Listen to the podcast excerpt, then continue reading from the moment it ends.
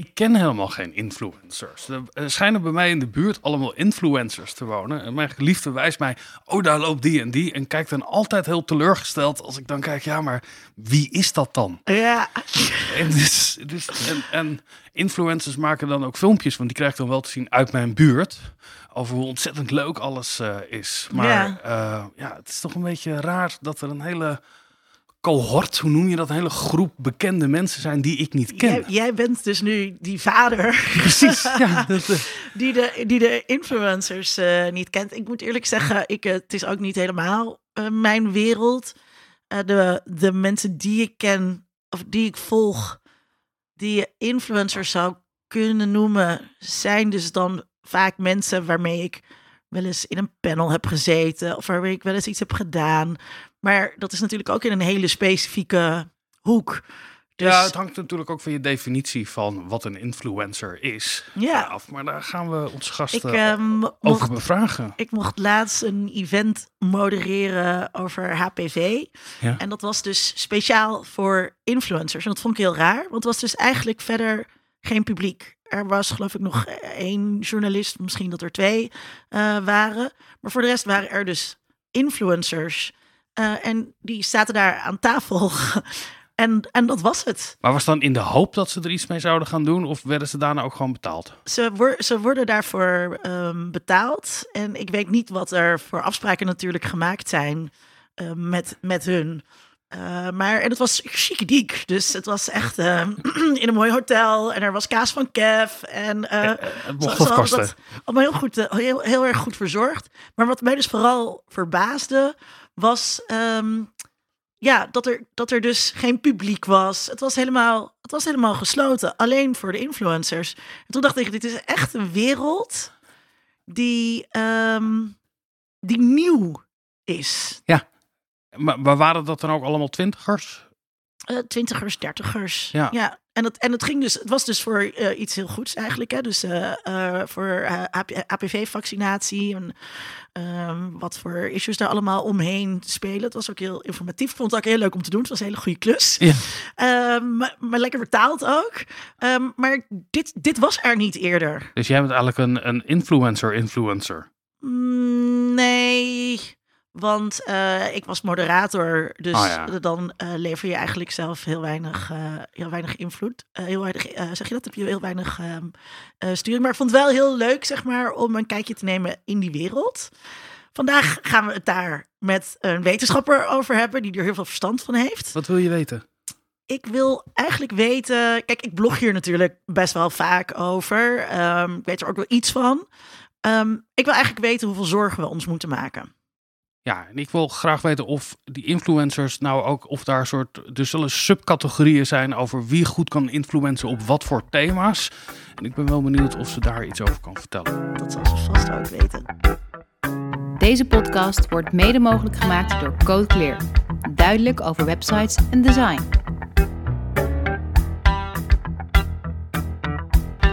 Vanuit Amsterdam is dit Onder Media Doctoren, de podcast waarin communicatiewetenschappers zich verwonderen over de media. Sinds 1 juli vallen grote influencers eindelijk onder de mediawet. Hiervoor was reclame op platformen als YouTube en TikTok namelijk gewoon echt het wilde westen. Lawless, moet ik dan zeggen. Eh, het is echt een ingrijpende verandering. Zo moeten ze bijvoorbeeld mee gaan doen met kijkwijzer en icoontjes plaatsen bij hun video's. En is ehm, productplaatsing, product placing, heel populair bij influencers natuurlijk, nu helemaal verboden voor ehm, video's gericht op kinderen onder de 13 jaar. Vandaag duiken we in dat voorheen wilde westen. Dat doen we met dokter Eva van Rijmersdaal, universitair hoofddocent persuasieve communicatie aan de Universiteit van Amsterdam. Ehm, Eva, zijn Vincent en ik eigenlijk influencers? Ja, eh, daar had ik inderdaad van tevoren ook over nagedacht. En ik zou zeggen meer eh, journalisten. Ehm, ja, wat is een. Dan kom je eigenlijk natuurlijk ook meteen bij de vraag: wat is een influencer? Ehm, influencers vinden zichzelf, zijn eigenlijk vaak een beetje allergisch voor de term influencer. Ehm, dat ze dat ook een beetje associëren met influencer marketing. eh, met invloed uitoefenen. En zij zien zichzelf meestal liever als content creators. Eh, ze hebben een creatief beroep. Ze zijn bezig met het maken van content. En ze zijn eigenlijk zelf niet bezig met influencen. Dus ja, je zou voor jullie ook kunnen zeggen: jullie zijn natuurlijk ook bezig met het maken van content. Ja, En jullie zeggen misschien ook van jezelf dat je niet bezig bent met influencen. ja. Eh, nou, dan een ander aspect is ook nog eh, hoe groot is je publiek. Sommige definities gaan uit van een significant publiek. Maar ik vind dat eigenlijk geen goede definitie. Want je kan in een bepaalde niche een relatief klein of absoluut klein publiek hebben, maar relatief groot, omdat het eh, voor dat kleine aantal mensen toch heel belangrijk is. Dat het, heel, eh, dat het veel impact heeft. Ja, precies. Als het gaat En- om een hele specifieke hobby of een hele specifieke beroepsgroep. Of, eh, Want significant, dat is ook een relatieve term. ja, ja, precies. Maar je gebruikt de term influencer dus niet specifiek op het moment dat er iets verkocht moet worden of aan de man gebracht. Of het Nee. een product of dienst of gedragingen zijn die anders zijn. Nee, nou, dat, dat zou ik dus, dat is eigenlijk influencer marketing. En eh, daarnaast wordt dus gesproken over influencers, maar dat is dus wel, eh, dat komt er vandaan dat ze invloed hebben en daar maakt de marketing volgens gebruik van. En die influencers, die, ja, die willen zich dus vooral associëren met hun creatieve eh, eh, kwaliteiten. Ja, En niet zozeer met dat ze er ook geld mee moeten verdienen of eh, dat ze zich eigenlijk verkopen op sommige gebieden. Ehm, ik vind die term content creator ehm, heel interessant. ja, want inderdaad, wij maken ook Ja. ehm, Ja. eh, inhoud. ja, maar als je podcastmaker bent, dan ben je podcastmaker. ja, Weet je wel? En als je blogger bent, dan ben je Ja. blogger. Ja. En dat je dus zegt content creator, Ja. eh, verwijst er denk ik ook weer naar dat die content die gecreëerd wordt, ehm, dat het heel ingewikkeld is om die te labelen. ja, Om, om te zeggen van wat is dat nou precies? ja, Ehm, Dus eh, ik ken eh, eh, het zusje van een goede vriendin van mij. Ehm, maakt een soort twerking eh, video's. ja. En, eh, ook een eh, niche misschien, of niet? is- is misschien heel een, groot. is, is ook een niche. eh, heel cool. Ik heb laatst een les bij haar gedaan. eh, wat, wat heel interessant Toch is. ben ik bang dat deze niche iets groter is dan de mediawetenschappelijke niche. Ja, dit er zijn. helaas, ja. Maar ja, wat ik al zei, hè, ze maakt eh twerking filmpjes en eh, daarbij eh, geeft ze wat, ehm, ja, een soort van eh, eh, inspirerende woorden spreekt ze daarbij. Ze is ook feminist, dus ze spreekt zich uit eh, voor bepaalde dingen. Maar ja, film, filmpjes, dat is natuurlijk ook niks. Nee, Ja, nee, en je had, je had dus ook... hoort het, er- hoort het er ook bij dat er dus een soort vaag, dat Ja. het moeilijk is die content te, te Ja. kenschetsen. Ja, ja, inderdaad. Ja, een tijdje was ook vloggers, was bijvoorbeeld in zwang. Ja, Eh, maar daar waren de content creators of de influencers ook altijd heel kritisch op. In de volksmond wist iedereen wat een vlogger was. Maar officieel is een vlogger iemand die zijn leven filmt. Dus eh, een filmpje maakt van je dagelijks leven. En heel veel influencers doen hele andere dingen. ja. Maken komische sketches of hebben product reviews of lang niet iedereen is een vlogger. En Ja. in de volksmond werd dan al gauw als je filmpjes maakt op YouTube ben je een vlogger. Dus dat is ook inderdaad eh, al ja, er zijn heel veel verschillende soorten content. Het is niet een blog of een vlog. En daarnaast heb je verschillende platforms. Dus je hebt filmpjes, Ja. maar je hebt natuurlijk ook eh, op Instagram gewoon, ehm, eh, hoe zeg je dat? Foto's. Foto's, Ja, ja. gewoon eh, Stilstaand stilstaand, eh Want we hebben het visueel ook nog beeld. over YouTubers gehad, ja, toch? ja, inderdaad. Eh, een jaar of YouTubers. acht geleden Ja, of zo. nou heel recent ook nog wel hoor. Ja, Ehm, in ja. 2015, aflevering 26, ja. YouTube-sterren. Ja, oh ja, zeven ze. jaar geleden, Ja, ja. ja. maar YouTubers is ook nog wel, dat is ook, en dat zie je ook in de wetenschappelijke literatuur. Nou, dat loopt misschien ook wel een beetje achter, maar daar wordt ook inderdaad wel over YouTubers gesproken. Maar er wordt ook bijvoorbeeld over Instagrammers gesproken en over TikTokkers. Ja. Dus het is eigenlijk nog steeds wel, en dan kom je misschien inderdaad iets dichterbij van, wat is het dan? Als- Nou, hoewel je ook natuurlijk op Instagram filmpjes en ehm, plaatjes kan posten. Dus dan wordt het weer gekoppeld aan het platform. Ja. Dus het is inderdaad wel een beetje ongrijpbaar. En wat, wat, wat ook vaak de vraag is: wat is nou het verschil met bijvoorbeeld een celebrity of een celebrity endorser? Ja. Ehm, en er zijn, daar heb je natuurlijk ook dat de grenzen vervagen. Dat je hebt celebrities die eigenlijk influencers zijn geworden, of TikTokkers of YouTubers, omdat daar ook gewoon een groot publiek is en veel geld is te verdienen. Eh, Voetballers, zangers, nou, noem ze maar op. Iedereen is eigenlijk dus ook op social media actief en zou dan ook een influencer kunnen zijn. Eh, maar dat zijn eigenlijk traditioneel celebrities, mensen die ergens anders bekend van zijn geworden. En de, de, de oorspronkelijke influencers zijn gewoon echt mensen die hun naam en faam hebben uh, gekregen op die sociale media, Die op die, op die platforms. Op die platform. Ja, precies. U ja. hoorde hem al, zoals altijd aan mijn zijde, mijn vaste mede-media, dokter, dokter Vincent Kronen. Vincent, kan jij alles als reclame herkennen? Nou, kijk, dat wat je niet herkent als reclame. Deze vraag kan ik nooit naar eerlijkheid beantwoorden. Ja. Want dat wat ik niet weet, weet ik niet. zelfs. Ja. Ja. Eh, ik, ik, op het moment dat ik iets zie wat misschien als reclame bedoeld is en niet zo ervaar. eh, Ik denk dat dat hele goede reclame is, eh, als je het niet ervaart als reclame. Maar ik kan niet zeggen eh, over de dingen waar ik het niet van weet. Dat, even deze aantekening. Eh, denk ik dat ik wel iets begrijp over hoe de media-industrie werkt. En dat een, een, iemand die een boek heeft geschreven en bij een praatprogramma komt zitten, Ja. is natuurlijk ook iemand die iets komt verkopen. En dat er continu ruilhandel is in de media waarom iemand ergens komt zitten om iets te vertellen. En wat mag je nou vertellen en wat niet. En wat voor belang heb je erbij. In die zin zijn ook politici influencers natuurlijk die een partijprogramma of een nieuw idee komen vertellen. En die moeten dan ook nog, zeker in verkiezingstijd, iets vertellen dat ze hun kinderen leuk vinden. Want dat is dan leuk voor het programma. No. Dus, dus in, die, in, die, ja, in die zin is iedereen die eh, content creëert, of je dat nou als gast in een grote talkshow doet of je eigen YouTube-kanaal, is bezig met een vorm van invloed. Wij ook in die zin. Ehm, Ja, maar, Nou ja, het, maakt maar- toch, het maakt toch wel wat uit ehm, eh, of, ehm, of ik deze podcast maak en af en toe mijn boek plug. Mhm. Hebben jullie het eigenlijk al gelezen? Eindelijk weten wat seks is. Echt een leuk boek. Koop dat. Ehm, of wanneer ik eh, eh, zeg... goh, wat een lekker glas... Kampelt, Kamptal Groener Veldlinger is dit, hè, Vincent? En dat jij dan zegt, ja, dus ik moet, eh, dus heel veel podcasts hebben Hello Fresh reclames bijvoorbeeld. En dan Ja. zit er in het midden zit er dan zo'n stukje. hey Vincent, wat heb jij deze week Ja. gekookt met Hello Fresh? Dat is toch echt wel iets anders. Ja, Ja. maar ik denk, als ik denk aan, denk aan de term influencer, is het de contentcreatie is gericht op de verkoop van een bepaald product of dienst. Of, of misschien ook wel eh, eh, gedragingen Ja, eh, die ja. de overheid betaalt. Ja, ja, zeker. Ja. En, en daar bouw je dan een soort omveld om, noemden ze dat volgens mij vroeger, zodat mensen daarna gaan kijken. Dat vind ik wat anders dan mensen die content creëren en daar graag iets eh, voor terug willen hebben, wat geld willen hebben om het mogelijk te maken dat ze dat blijven doen. Ja. Ja. En dat is een, dat is een balans, dat Ja. is niet het een of het ander.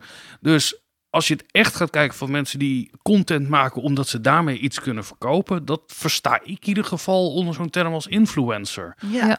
Ja, en dan dat, in de literatuur heet dat inderdaad, heb je een ulterior motive. Dus heb je inderdaad een, eigenlijk een ander motief dan dat je gewoon deze podcast maakt. Dus eigenlijk, ja, er zit iets, a- een an- ander doel aan wat je wil eh, bereiken met je, met je podcast. En dat, dat doe je dan bijvoorbeeld voor een adverteerder of voor een overheid. Eh, en zo'n politicus heeft ook inderdaad een ander doel dan alleen, die heeft eh, eh, verkiezingswinst of extra Ja. kiezers of zetels of Ja, eh, macht. ja, macht. Ja. Ja. en dat is inderdaad wel, eh, dat is wel iets anders. Ja, Ja. ja. Ehm, we, we zijn natuurlijk eigenlijk al gestart een beetje met het gesprek. Ja. Ehm, je hebt macro en micro influencers. Ja. Wanneer ben je micro en wanneer Ja. macro? Ja, ja de, de, de definities in de literatuur lopen heel erg uiteen.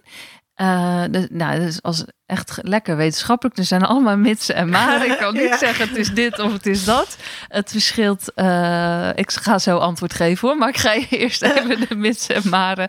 Eh, het verschilt bijvoorbeeld ook per platform. Ehm, eh, hoe groot is het platform? Hoeveel eh, volgers eh, is veel op Instagram? Of hoeveel is veel op YouTube? Of hoeveel is veel op Snapchat? Daarnaast verschilt bijvoorbeeld ook per land. Als je in Nederland kan je een macro-influencer zijn met bijvoorbeeld meer dan 500.000 volgers. Ehm, terwijl in Amerika is dat eh, niks. Dan gaat het misschien om eh 1, 2, 3 of meer dan miljoen. Dus het hangt ook weer van die, van die doelgroep of het, het potentieel wat je kan bereiken, hangt het af. Ehm, maar zo'n beetje, nou ja, ik kan er dus cijfers aan hangen met al die mitsen en maren. En dan heb je eh, nano-influencers zelfs ook nog, Oh. hele kleintjes met, hele kleintjes, met eh, bijvoorbeeld een paar duizend volgers. Ja. eh, micro-influencers. Nou, dat hangt dan dus ook wat ik in het begin zei, ook weer van die niche af. Hè? En dat zijn wat dus dat labels betekent. die vooral voor ehm, eh, adverteerders relevant zijn. Ja, ja, en ook voor, voor onderzoek vinden we het ook interessant. Eh, er wordt ook onderzoek gedaan. Ik heb zelf ook onderzoek gedaan naar of het nou uitmaakt of mensen weten hoeveel, of, of hoeveel volgers je hebt. Ja. Er gaat toch een soort, ehm, eh, je kan zeggen, een keurmerk vanuit. Van, oh, die heeft heel veel volgers, dus die is goed. Of eh, van die heuristieken, meer is beter. Ehm, dat zijn sterren. is- hoe groter je bent, ook hoe meer geld je kan verdienen. Dus dat is dan ook alweer een ander soort status. Hoe minder je direct kan interacteren met je volgers. Dus hoe meer je aan de ene kant een soort sterrenstatus ontwikkelt. Aan de andere kant hoe minder interessant je ook weer wordt voor adverteerders. Omdat juist die engagement belangrijk is. Ja. Dus wij, wij vinden bijvoorbeeld ook in onderzoek dat micro-influencers eigenlijk meer invloed hebben dan macro-influencers. Dus influencers tot 100.000 volgers bijvoorbeeld, of tot 50.000 volgers, eh, die kunnen nog persoonlijk reageren. Dat zijn ook nog mensen waar je in kan herkennen, die nog jouw eh buurjongen of buurmeisje zou kunnen zijn. Ja. De- heel relatable. Heel, Ja. en dat heeft dan kan juist heel veel invloed hebben op, op volgers. En die hele grote sterren, die zijn dan bijvoorbeeld wel voor merkbekendheid, om, om reach, om bereik te genereren. Eh, en voor mensen die ehm, dus wishful identification vertonen, die zo willen zijn als die influencer, een soort aspiratie Ja. van oh. eh, zo'n leven kan je leiden. En als je en zo knol bent, kan je dus een Porsche kopen of een Ferrari of weet ik veel wat voor dure auto die heeft. Of dan kan je in Dubai een appartement kopen. Of kom je op alle coole feestjes en krijg je alle gave producten thuisgestuurd. En dat, die aantrekkingskracht hebben die grote.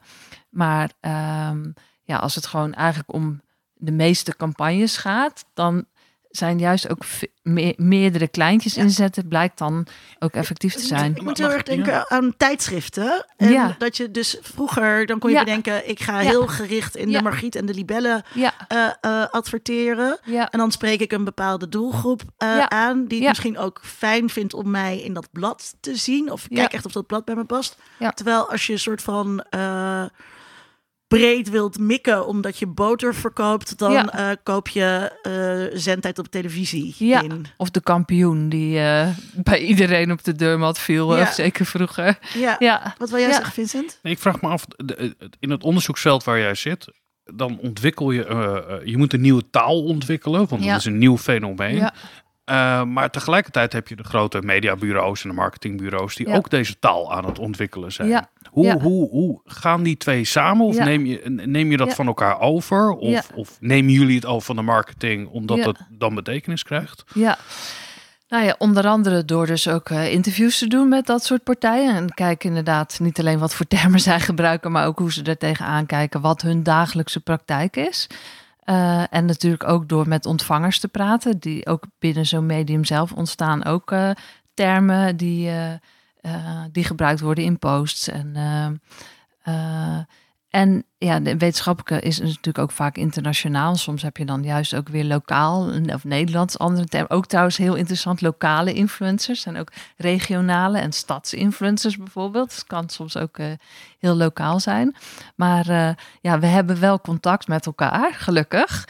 Eh, dus ik denk dat het ook wel een soort kruisbestuiving is. eh. en je ziet bijvoorbeeld inderdaad met dat soort definities van micro, meso, macro, dat die bijvoorbeeld eh, voor het eerst eh, opgeschreven werden in meer white papers, meer practitioners. eh, ehm, materialen Mhm. en dat, dat je daar ook omdat er niks is in de wetenschap dat je daar naar kijkt en op zoek bent naar definities die dan inderdaad vanuit de praktijk gehanteerd worden dat we die dan overnemen maar aan de andere kant zijn er ook, net als wij juist weer begrippen gebruiken als eh, identificatie en eh, similarity. En dat je dan ook ineens ehm, in de praktijk dat soort dingen hoort. Van dat is dan wel heel belangrijk. Dat je denkt, nou volgens mij is dat gewoon een theorie. Dat moet je ergens gehoord hebben van normale... Ik vind het wel grappig als wetenschappers Ja. hebben over de praktijk. Dat is altijd wat dingen die buiten de wetenschap ja, gebeuren. ja, ja, dat, ja, dat, dat- precies. ja, Ja. ja. wetenschap is toch ook een praktijk? Ja, hè? Ja, ja, ja, ja, ja. Ehm, kan, Ja. je, kan je uitleggen hoe, hoe deze markt eigenlijk in elkaar zit? Ja. Eh, ja, nou dat is inderdaad ook. eh, ik net, net zei iets waardoor ik daar ook aan moest denken, maar misschien was het wel in het voorgesprek. Maar ehm, Oh nee, jij vroeg inderdaad. Je sprak met een van onze redacteurs. Ja, ja, ja, ja, ja, inderdaad. In de, in de pitch, in de briefing vooraf. Nee, eh, je had het over van kan je reclame herkennen? En toen zei jij Ja. van nou, ik snap wel een beetje hoe de, hoe de media werkt. En eh, de media werken. En als er iemand in een praatprogramma is, dan is het eh, over een boek, dan is het met een reden. En dat is ehm, ook wat, je, wat veel mensen ook van influencers bijvoorbeeld niet weten. Dat die ook hele teams achter zich hebben. Ehm, eh, dat je bijvoorbeeld een Dylan Hagels, en die is natuurlijk heel groot, dat je dat veel jongere kinderen denken hij maakt video's, maar dus ze hebben een heel kantoor, ze hebben een heel team, al, allerlei taakverdelingen. Eh, dat zijn eigenlijk gewoon bedrijven. Ehm, en, nou, de, en, maar ook dat is ook weer, het is ook weer heel divers, want het zijn dus ook bijvoorbeeld hele kleine beginnende jonge mensen of, of wat oudere mensen die inderdaad van, nog gewoon vanaf hun zolderkamertje ehm, content creëren en langzaam groter worden en langzaam ehm, opgepikt worden ook door adverteerders. Dus het is van, van heel professioneel echt eh, influencers die een heel team hebben wat ze in leven moeten houden en moeten betalen, Mhm. zeg maar, tot ehm, nou ja, heel klein en heel beginnend en onprofessioneel. Ja, En alles daartussenin. En daaromheen heb je nog eh, agencies, allerlei bureaus die zich eh, hiermee bezighouden. Van reclamebureaus, mediabureaus, PR-bureaus, maar ook talent management agencies. Dus eigenlijk eh, ehm, ja, een soort coaches van die influencers. En die dan ook helpen om het merk te bouwen. Influencers zelf zijn natuurlijk eigenlijk hun eigen merk. Dat ook ge, bewaakt moet worden en ontwikkeld moet worden, moet over nagedacht worden van hoe zet jij jezelf in de markt, welke sponsordeals passen daar wel of niet bij, wat voor content creëren, wat is een niche, wat kan je doen. Ja. Dus eh, talent agencies die zich daar heel op richten, Eh, influencer marketing agencies die eh, allerlei influencers onder hun hoede hebben en dan vooral gericht zijn op de marketing. want ehm, eh, ik heb eh, Theo, een van mijn katten, die heeft een eigen Insta-account. Ja. Theo in the window. Ja. En, is dit reclame? Dit is reclame voor haar Insta. En, Ja. ze heeft iets van 900 volgers. En, en ik kreeg dus een keer een bericht van een bedrijf. Van wil je ehm, eh, eh, in ruil voor kattenspeeltjes... eh, gaat hij dan een keer op de foto met die kattenspeeltjes? En Ja. toen zat ik, nou, dat eh, kan ik me, dat vind ik een beetje cheap ass voor het brand. Ja. Eh, Theo. Ehm, maar dat is dus wel een bedrijf dat direct, zeg maar, mensen benadert. Ja. Ehm, Ja. Maar stel dat ik dus ehm, dat ik, dat ik Theo groter wil maken en dat ik daar geld mee wil gaan verdienen, Ja. meld ik mezelf dan aan bij zo'n influencer marketingbureau? Of Ja. me- meld ik Theo aan mezelf? Ik ben natuurlijk de contentmaker daar. Ja, ja, Theo doet niet zoveel behalve cute kijken. Ja, inderdaad. Ehm, eh, ja, je, je hebt dus je kan je kan dan je, je kan je aansluiten bij zo'n platform. Eh, er zijn ook eh, een soort ehm, soort marktplaatsen voor influencers waar je dus inderdaad jezelf kan aanbieden en waarbij je als adverteerder zonder eigenlijk tussenkomst van een bureau kan zoeken wie past bij mij, hoeveel volgers hebben ze, een soort eh, ja in contact brengen van de influencer met een eh, Ah, zonder tussenpersoon. Ja, ja, ja, dat is echt een ja. marktplaats. Oh, wat interessant, dat wist ik niet. Ja. ja. Ja, dus eh, daar kan je ehm, Theo aanbieden aan, aan de kattenspeeltjes Ja. fabrikanten. En wat ook heel grappig is, dat ehm, er wordt dus ook inderdaad gescout vanuit, eh, vanuit bedrijven. Ze, gaan, ze zijn gewoon op zoek naar content die bij hun merk past. En ze eh, willen dan vooral mensen met content die logisch is bij het merk. Dus ze zoeken ook naar influencers die al iets zeggen, bijvoorbeeld over hun merk.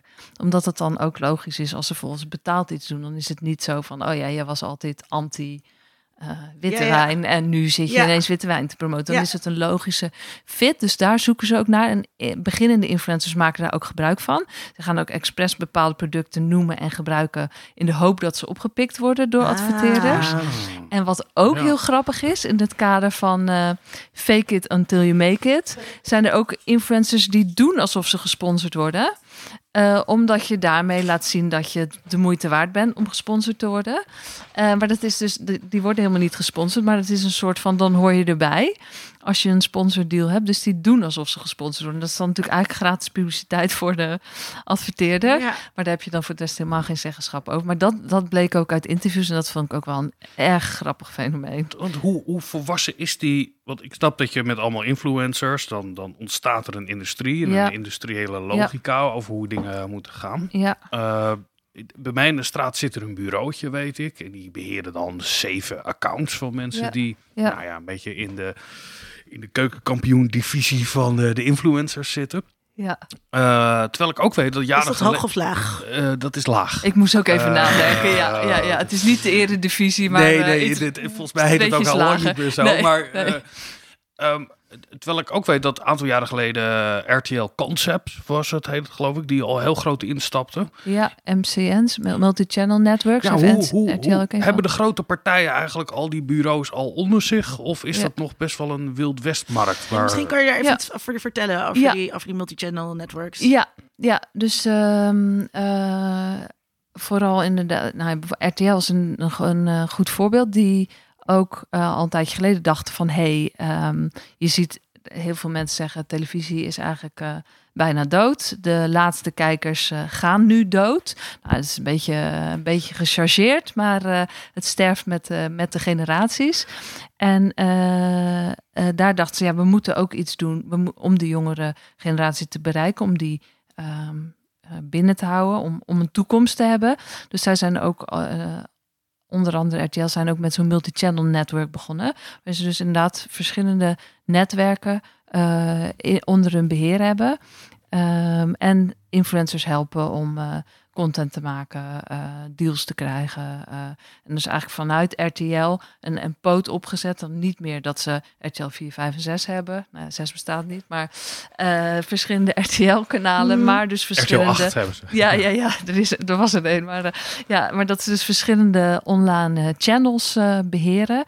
Ehm, En zij hebben die influencers onder contract staan. ja, En ehm, dat betekent natuurlijk dat. ehm, eh, ik vind daar altijd twee interessante dingen eh, aan zitten. Het eerste wat je zegt, hè, van zo eh, zorg je eigenlijk een soort voor een kruisbestuiving Ja. tussen die platformen. En Ja. want hoewel mensen zeggen tv is dood, ja, geldt het nog steeds als meer status wanneer je op tv bent. Ook al heb je een miljoen volgers. ja, Is dat een ding? Ja. Dus het is goed voor de naam van de influencers. En tegelijkertijd is het goed om die jonge mensen te trekken. ja, Maar wat ik dus daar ehm, zo fascinerend aan vind, is dat.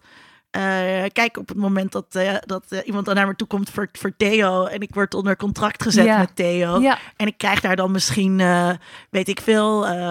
Eh, zoveel duizend eh, euro per maand voor dat ik Ja. denk, oeh, wat een goede deal. ja. Maar ja, dat, dat dacht eh, Diana Ross ook Ja, toen ze met de. Supremes tekende in de ja, jaren ja. 60. En, later hield ze er geen cent aan over. Want Nee. bleek, gebeurt dat ook? Weet je dat? Nou dat, dat weet ik inderdaad niet. Of, maar misschien komen dat soort verhalen inderdaad ook pas later naar buiten. Eerst, de, de, de film over het Ja, leven ja, gemaakt ja, ja, precies. Maar daar dacht ik ook aan die platenmaatschappij. En- Maar ik vind, dus ik weet inderdaad niet in hoeverre dat ehm, ja, een soort van burgercontracten zijn. En ik geloof ook dat het niet ehm, exclusieve contracten zijn. Dus soms he- hebben ze bijvoorbeeld een gedeelte of een één kanaal bij zo'n MCN, maar hebben ze ook nog andere kanalen. Dus het is ook weer niet dat het altijd dat je dan volledig ehm Het eh, bezit RTL wordt. Ja, precies. Het Ja. bezit. Ik kende iemand die daar werkte en die vertelde mij dat eh, die, die, toen heette er nog YouTubers en eh, eh, we kennen ook wel wat voorbeelden daarvan. Dat ze ooit begonnen waren als een soort ta- talentenpool Ja. voor televisie, Ja, springplank. Ja, Totdat die mensen zeiden, wij hoeven helemaal niet op televisie. Wij hebben onze eigen publiek. ja, En de reden waarom ze het wel deden, om nog wel eens in een eh, eh, leuk spelprogramma te gaan zitten, ja. waren twee redenen. Namelijk, het is leuk dat je ouders ook weten dat je succesvol bent. En de decision makers die gaan over eh, ook sponsordeals, Ja, die kijken wel televisie. ja. Wat een hele rare schizofrene strategie is natuurlijk. Want je moet een soort bekendheid hebben, niet bij je eigen publiek, maar wel mensen die over jouw Ja.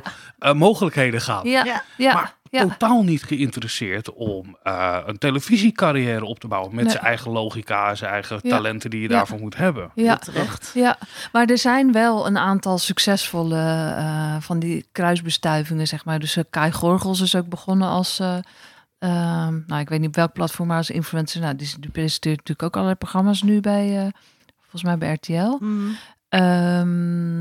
Calvijn heeft ook overstap gemaakt naar eh, televisie. Die, ik heb ook wel eens een interview met hem gelezen dat hij inderdaad soort van gescout is door John de Mol. En eh, dat hij dacht, hey, die moet ik hebben voor, voor televisie.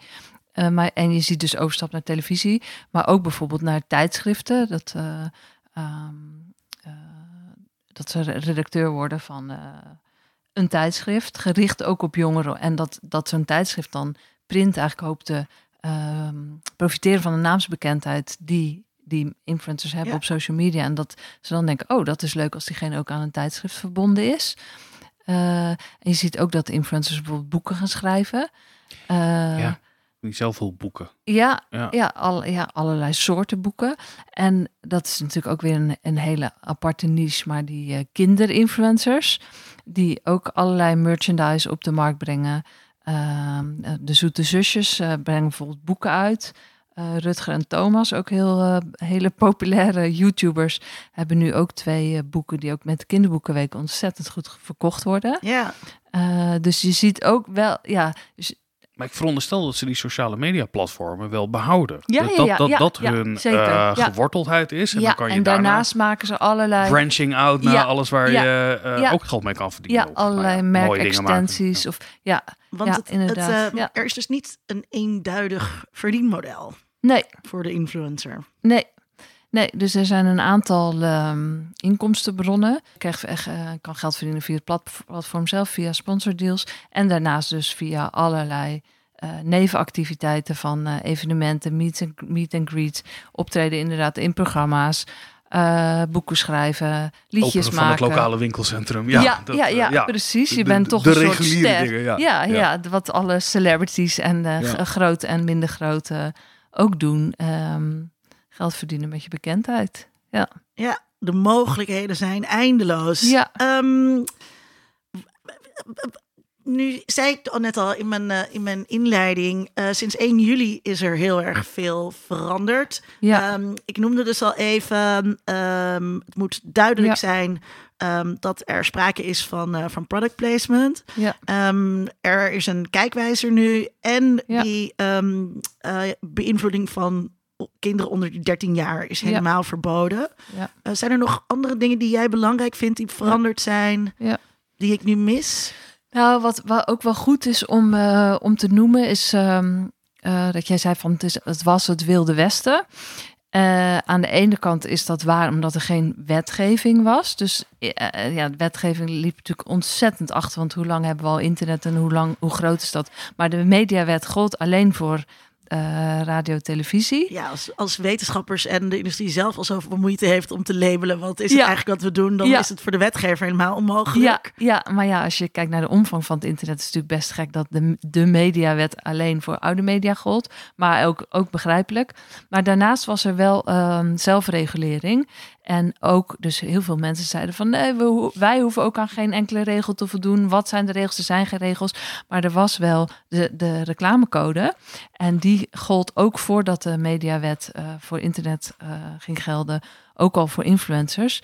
Dus als eh, influencers een bepaald voordeel hadden door een relatie aan te gaan met een adverteerder, moesten ze dat al onder die zelfregulering vermelden. En dat werd wel eens ehm, soms willens en wetens eh, vergeten.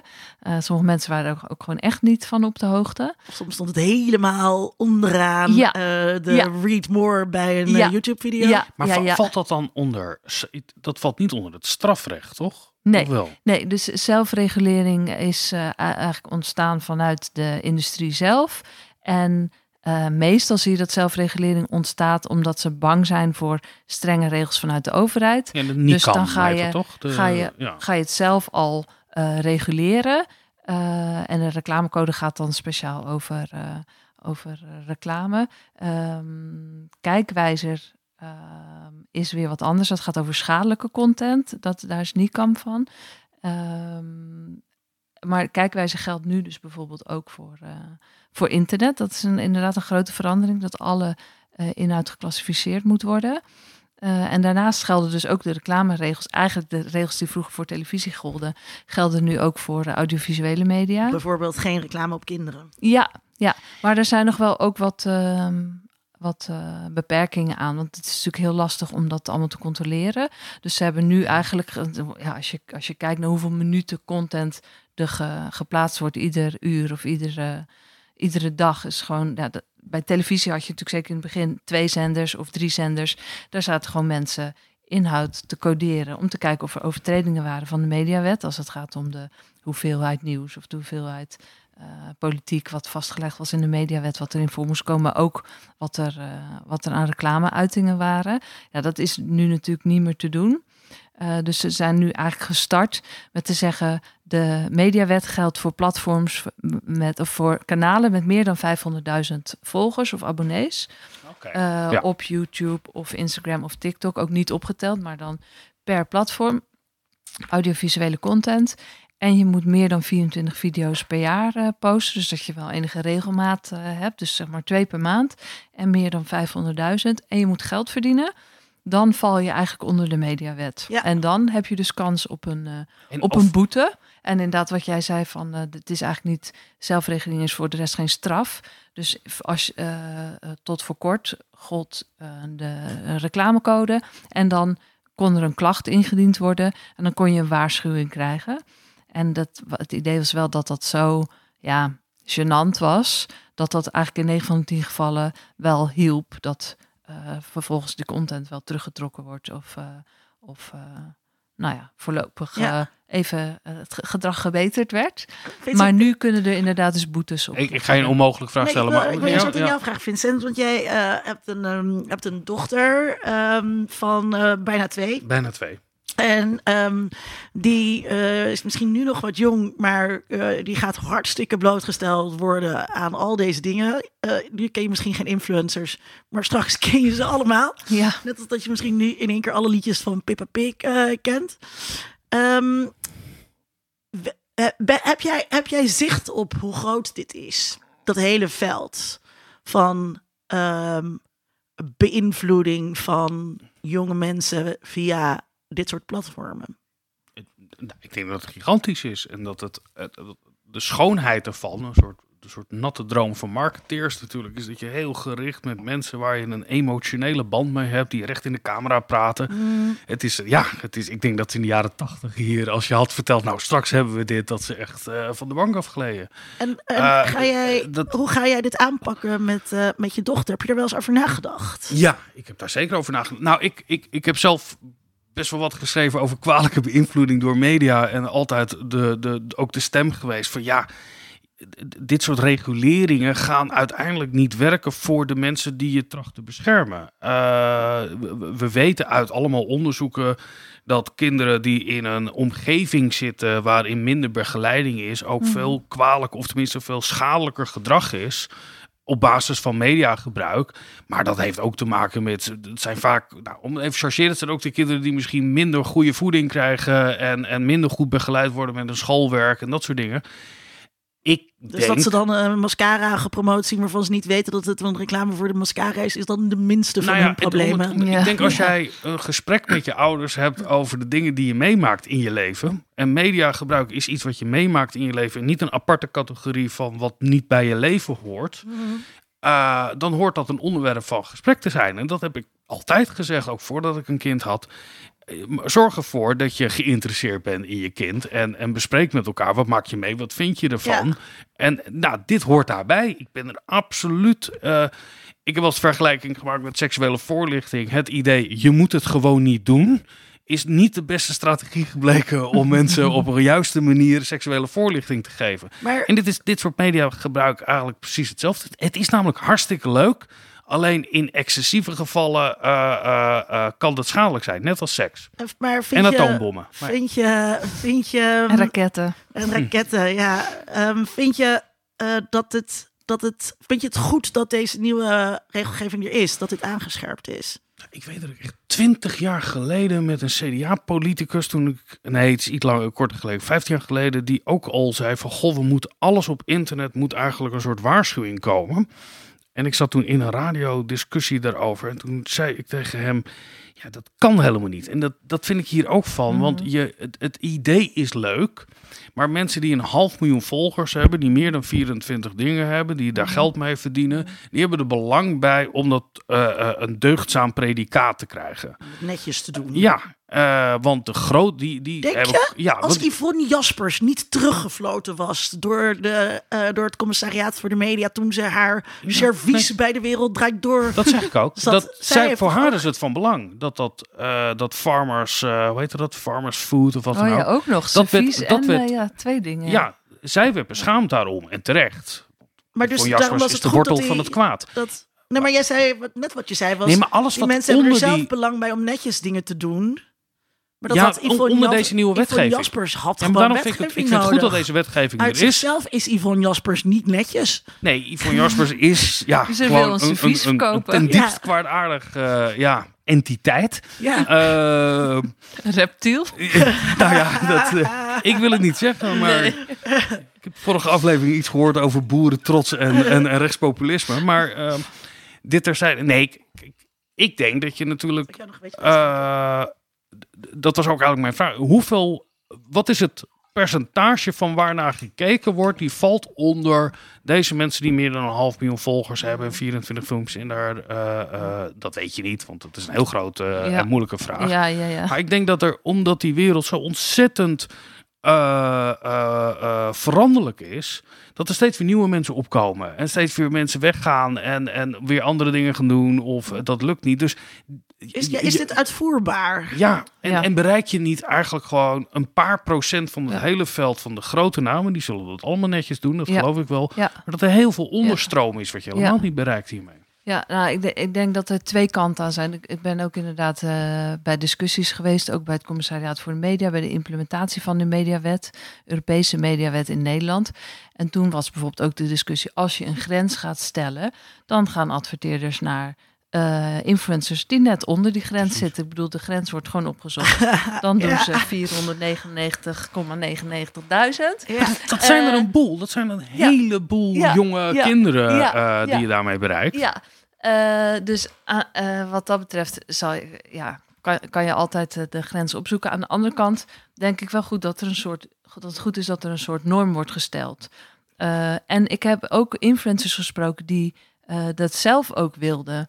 Eh, dus voordat, voordat deze mediawet gold, was het initiatief eh, van YouTubers. Eh Social Code YouTube hadden zij zelf opgezet, ook in sa- samenwerking met het Commissariaat voor de Media. Omdat zij ook wilden laten zien naar de buitenwereld: wij zijn professioneel, wij zijn heus niet allemaal boeven die gewoon proberen iedereen te beïnvloeden. Ehm, en zo sneaky mogelijk. Nee, wij nemen ook onze verantwoordelijkheid. Als we gesponsord worden, willen we het ook zeggen. We willen ook zeggen als we niet gesponsord worden. Dus ze hebben toen zelf uit, op eigen, uit eigen beweging een eh, code opgesteld. Eh, die is nu eh, opgegaan in, in de mediawet en ook gedeeltelijk in de reclamecode. Ehm, dus het is ook een soort professionalisering van, van de branche en waar zij zelf ook behoefte aan hadden. Ook om bijvoorbeeld discussies met adverteerders ehm, te voorkomen.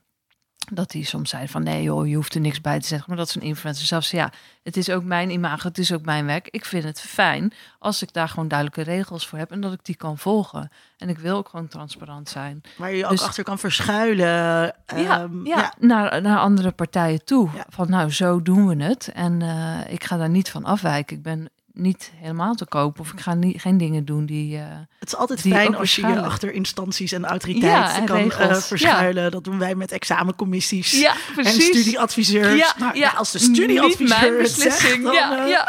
Nee, Ja. maar ik, ik kan me Ja. ook heel goed voorstellen dat Ja. als jij... Je concurreert toch... Ja. Tenminste, de mensen die meer dan een half miljoen... Ik, Ja.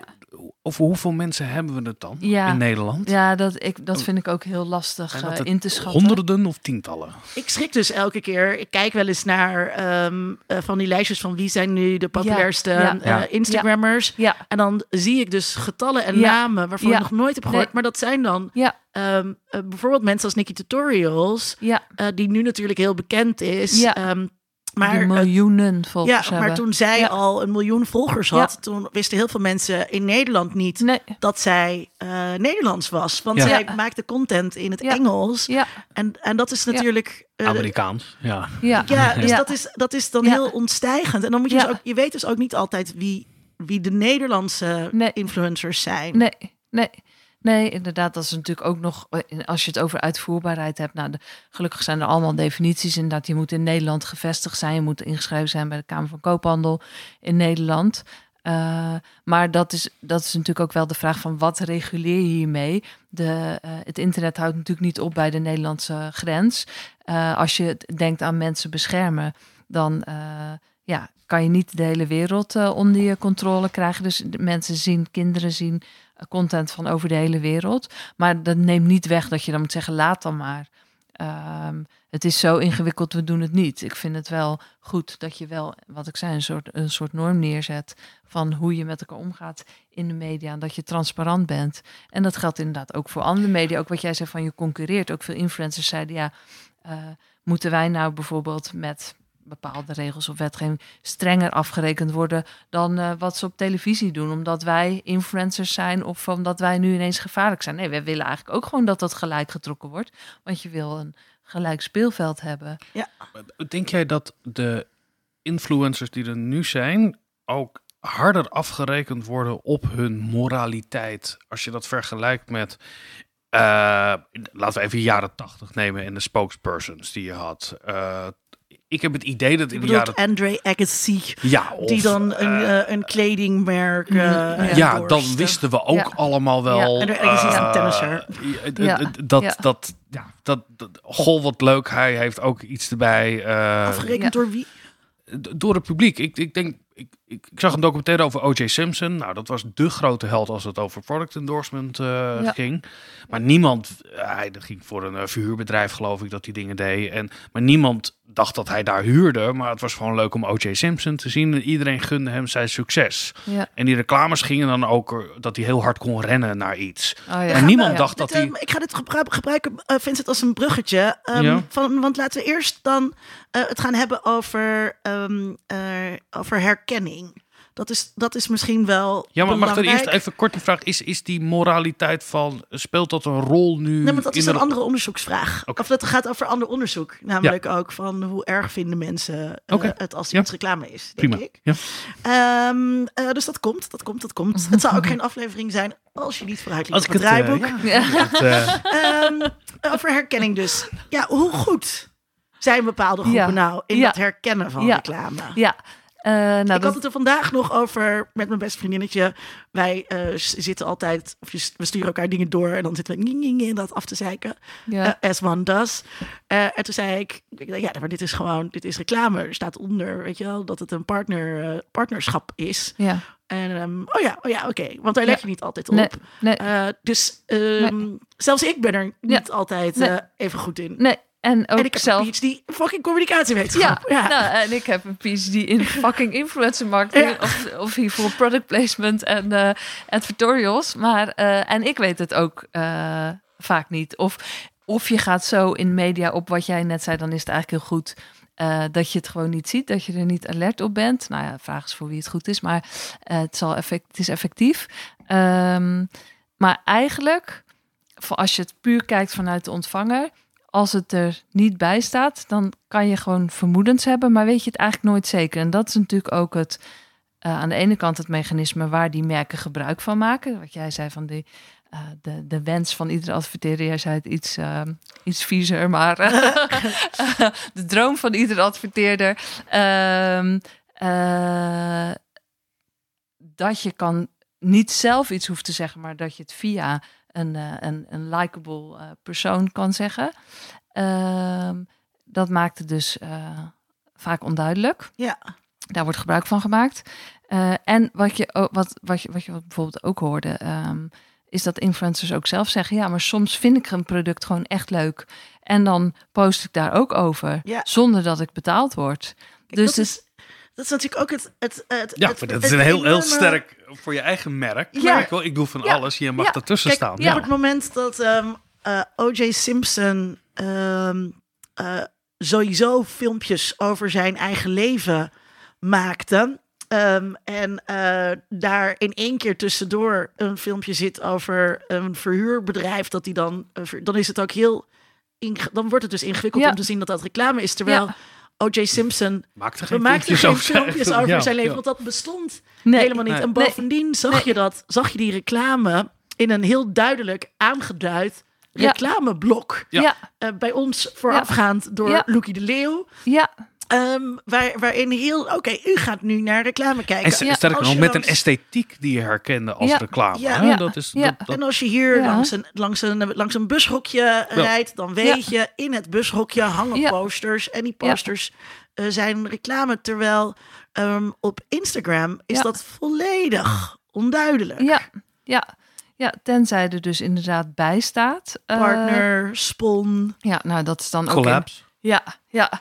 Eh, maar dat is dan ook nog... ehm, Wat best wel eh, cryptische woorden Nou, inderdaad, dat wilde ik zeggen. Oh, sorry, ten, ja, ja. ten, ten eerste zijn er heel veel verschillende eh, termen. Eh, daarnaast zijn er inderdaad termen die gewoon heel vaag zijn. Nu staat wel in de nieuwe mediawet is het al beter. Dus in de reclamecode eh, voordat de mediawet gold, ko- konden inderdaad dan hashtags als eh, spon en eh, collab die konden. Maar nu de mediawet is daar wel strenger in. Wat Het moet je nu zeggen? Ehm, hashtag ad bijvoorbeeld. Eh, dit filmpje of dit programma bevat productplaatsing. Nou, dat vind ik ook niet heel erg duidelijk, want eh, wat is precies productplaatsing? Ik denk ook niet dat de gemiddelde Nederlander dat weet.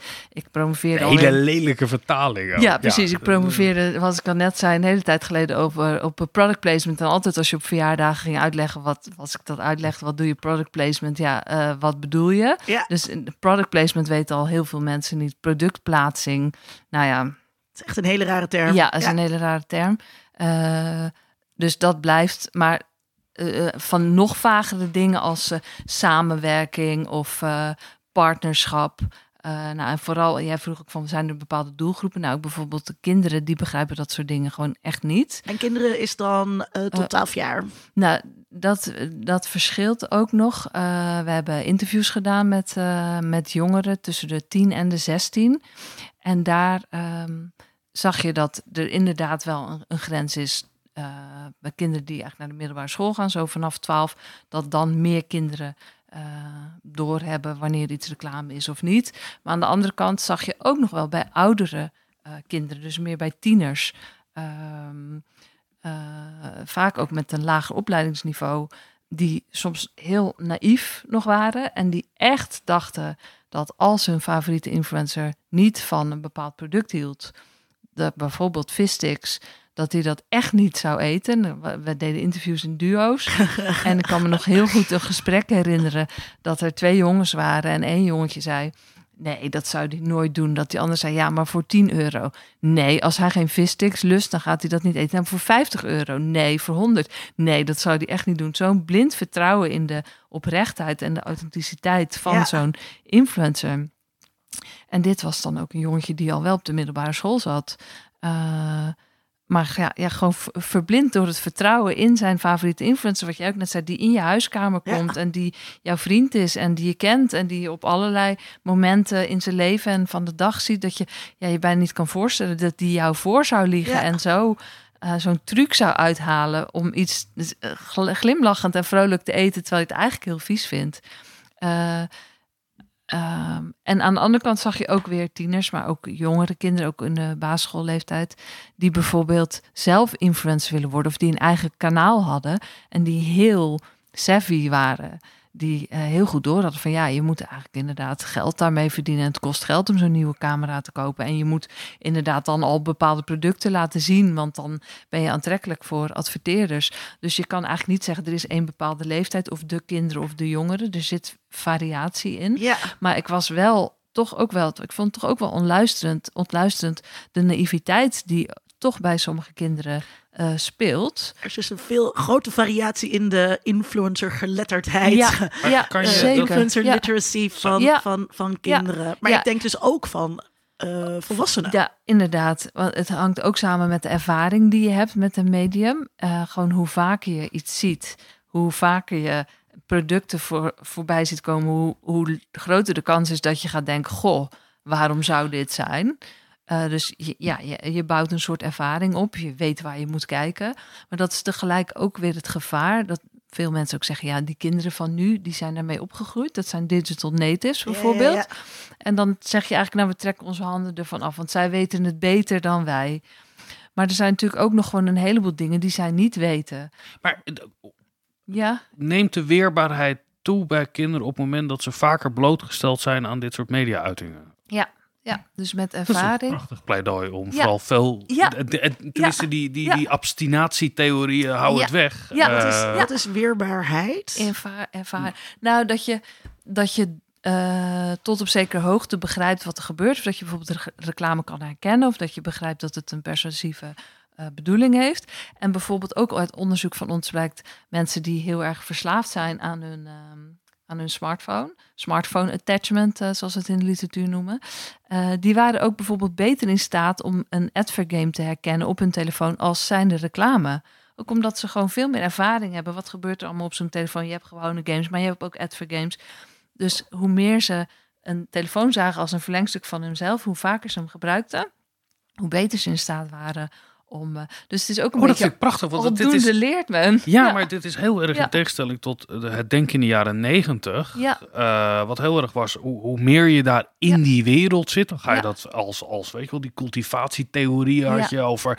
Dan ga je dat allemaal als normaal zien. Van cultural dupes. Ook. En dan, ja, dan kan je er niet meer buiten treden. Juist mensen die wat afstand maar, geeft. Laat je kinderen tot hun zestiende geen televisie kijken, dan zijn ze sterker. Ik weet, ik kan best wel goed. Uh, ik denk dat ik het. Ik denk niet dat ik er heel goed in ben, maar ik kan het best redelijk goed. Maar ook als ik iets als reclame herken, uh, dan nog ja. wil ik vaak dat product. Dan zie ik die mascara en dan denk ik dat wil ik ook, terwijl ik bijna nooit mascara draag. Ja, um, ja. heel gek hoe dat werkt. Ja. Uh, dat, dat, dat, werkt dan op die manier. Dus um, her, ja, wat is de relatie tussen herkenning, zeg maar, en uh, Dit is precies het argument wat reclamebureaus altijd gebruiken. We maken geen reclame, wij informeren de burger over de keuzes die ze hebben. Ja, precies. Ja. Dus je hebt weerbaarheid, maar weerbaarheid is ook geen weerstand. Nee. nee, inderdaad, dat is, zijn twee verschillende dingen. Dus je kan bepaald begrip hebben, reclamewijsheid of uh, influencer geletterdheid, zoals jij ook zo mooi zei. Um, bepaalde kennis hebben. En je, inderdaad, wat je, wat je zegt, wij weten donders goed dat een reclamefolder of een, uh, of een, uh, een advertentie of wat voor vorm van reclame ook gemaakt is om ons te beïnvloeden. Maar dat wil niet zeggen dat we vervolgens die producten allemaal niet willen hebben. Al is het inderdaad dat er een soort verlangen opgewekt wordt waarvan je niet wist dat je het had. Zulke wimpers. Ja. of dat het inderdaad eh, informeren is van, oh, een eh, bepaald product, oh, dat is handig. Nou, dat wil ik ook wel een keer uh, gewoon uh, proberen of gebruiken. Gewoon dat je weet wat er te koop is.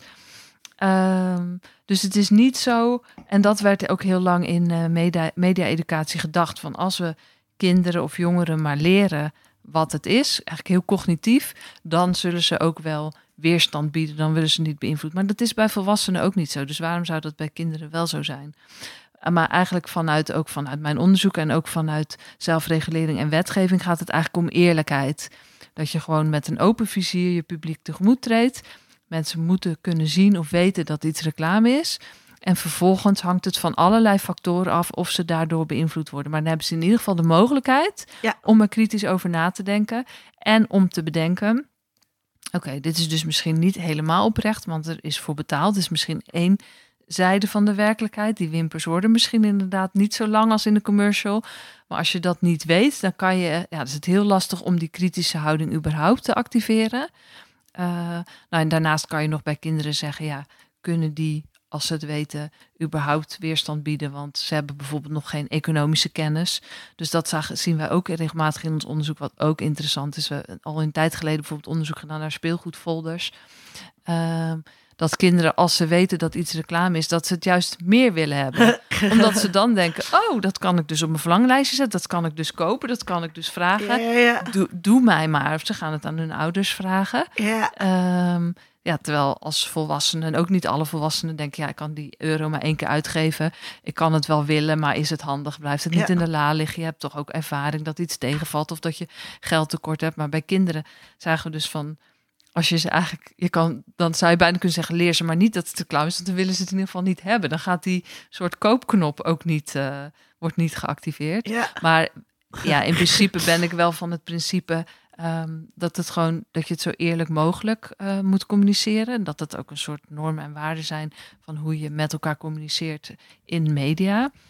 Eh, maar daarnaast is ook wel, eh, behalve zo'n label of zo'n wet, is ook wel nodig dat je kinderen aan de hand neemt. En inderdaad media-educatie en reclame-educatie. Dat je ook uitlegt wat voor industrie daarachter schuil gaat. Waarom uh, er sponsordeals zijn of reclame wordt gemaakt. En wat wij ook in ons onderzoek zagen is dat die influencers zelf daar ook een hele grote rol in kunnen spelen.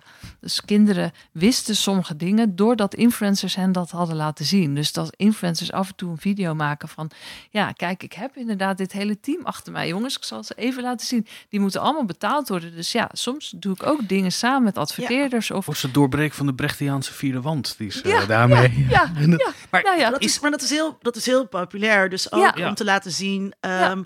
hoeveel shots uh, er nodig, ja. of om dat te vertellen hoeveel shots er nodig waren voor een bepaalde foto.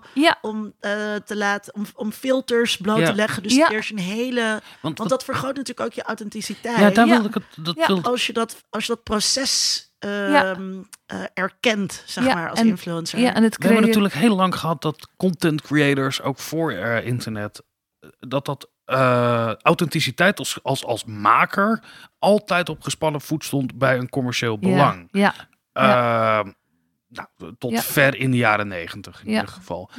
Zie je dat ook veranderen bij deze mensen of bij de publieken ook? Mag je geld verdienen? Ja, ja, dat, ja, ja, dat is inderdaad ook. Uh, uh, ja, en, en, zeker als Letterlijk je. de volgende vraag. Ja, zeker als je denkt vroeger aan bijvoorbeeld kranten, hè, waar echt de uh, advertentieafdeling, de commerciële afdeling, zo ver mogelijk, marketingafdeling, zo ver mogelijk weg was van de redactie. Want oh als daar kruisbestuiving uh, plaatsvond.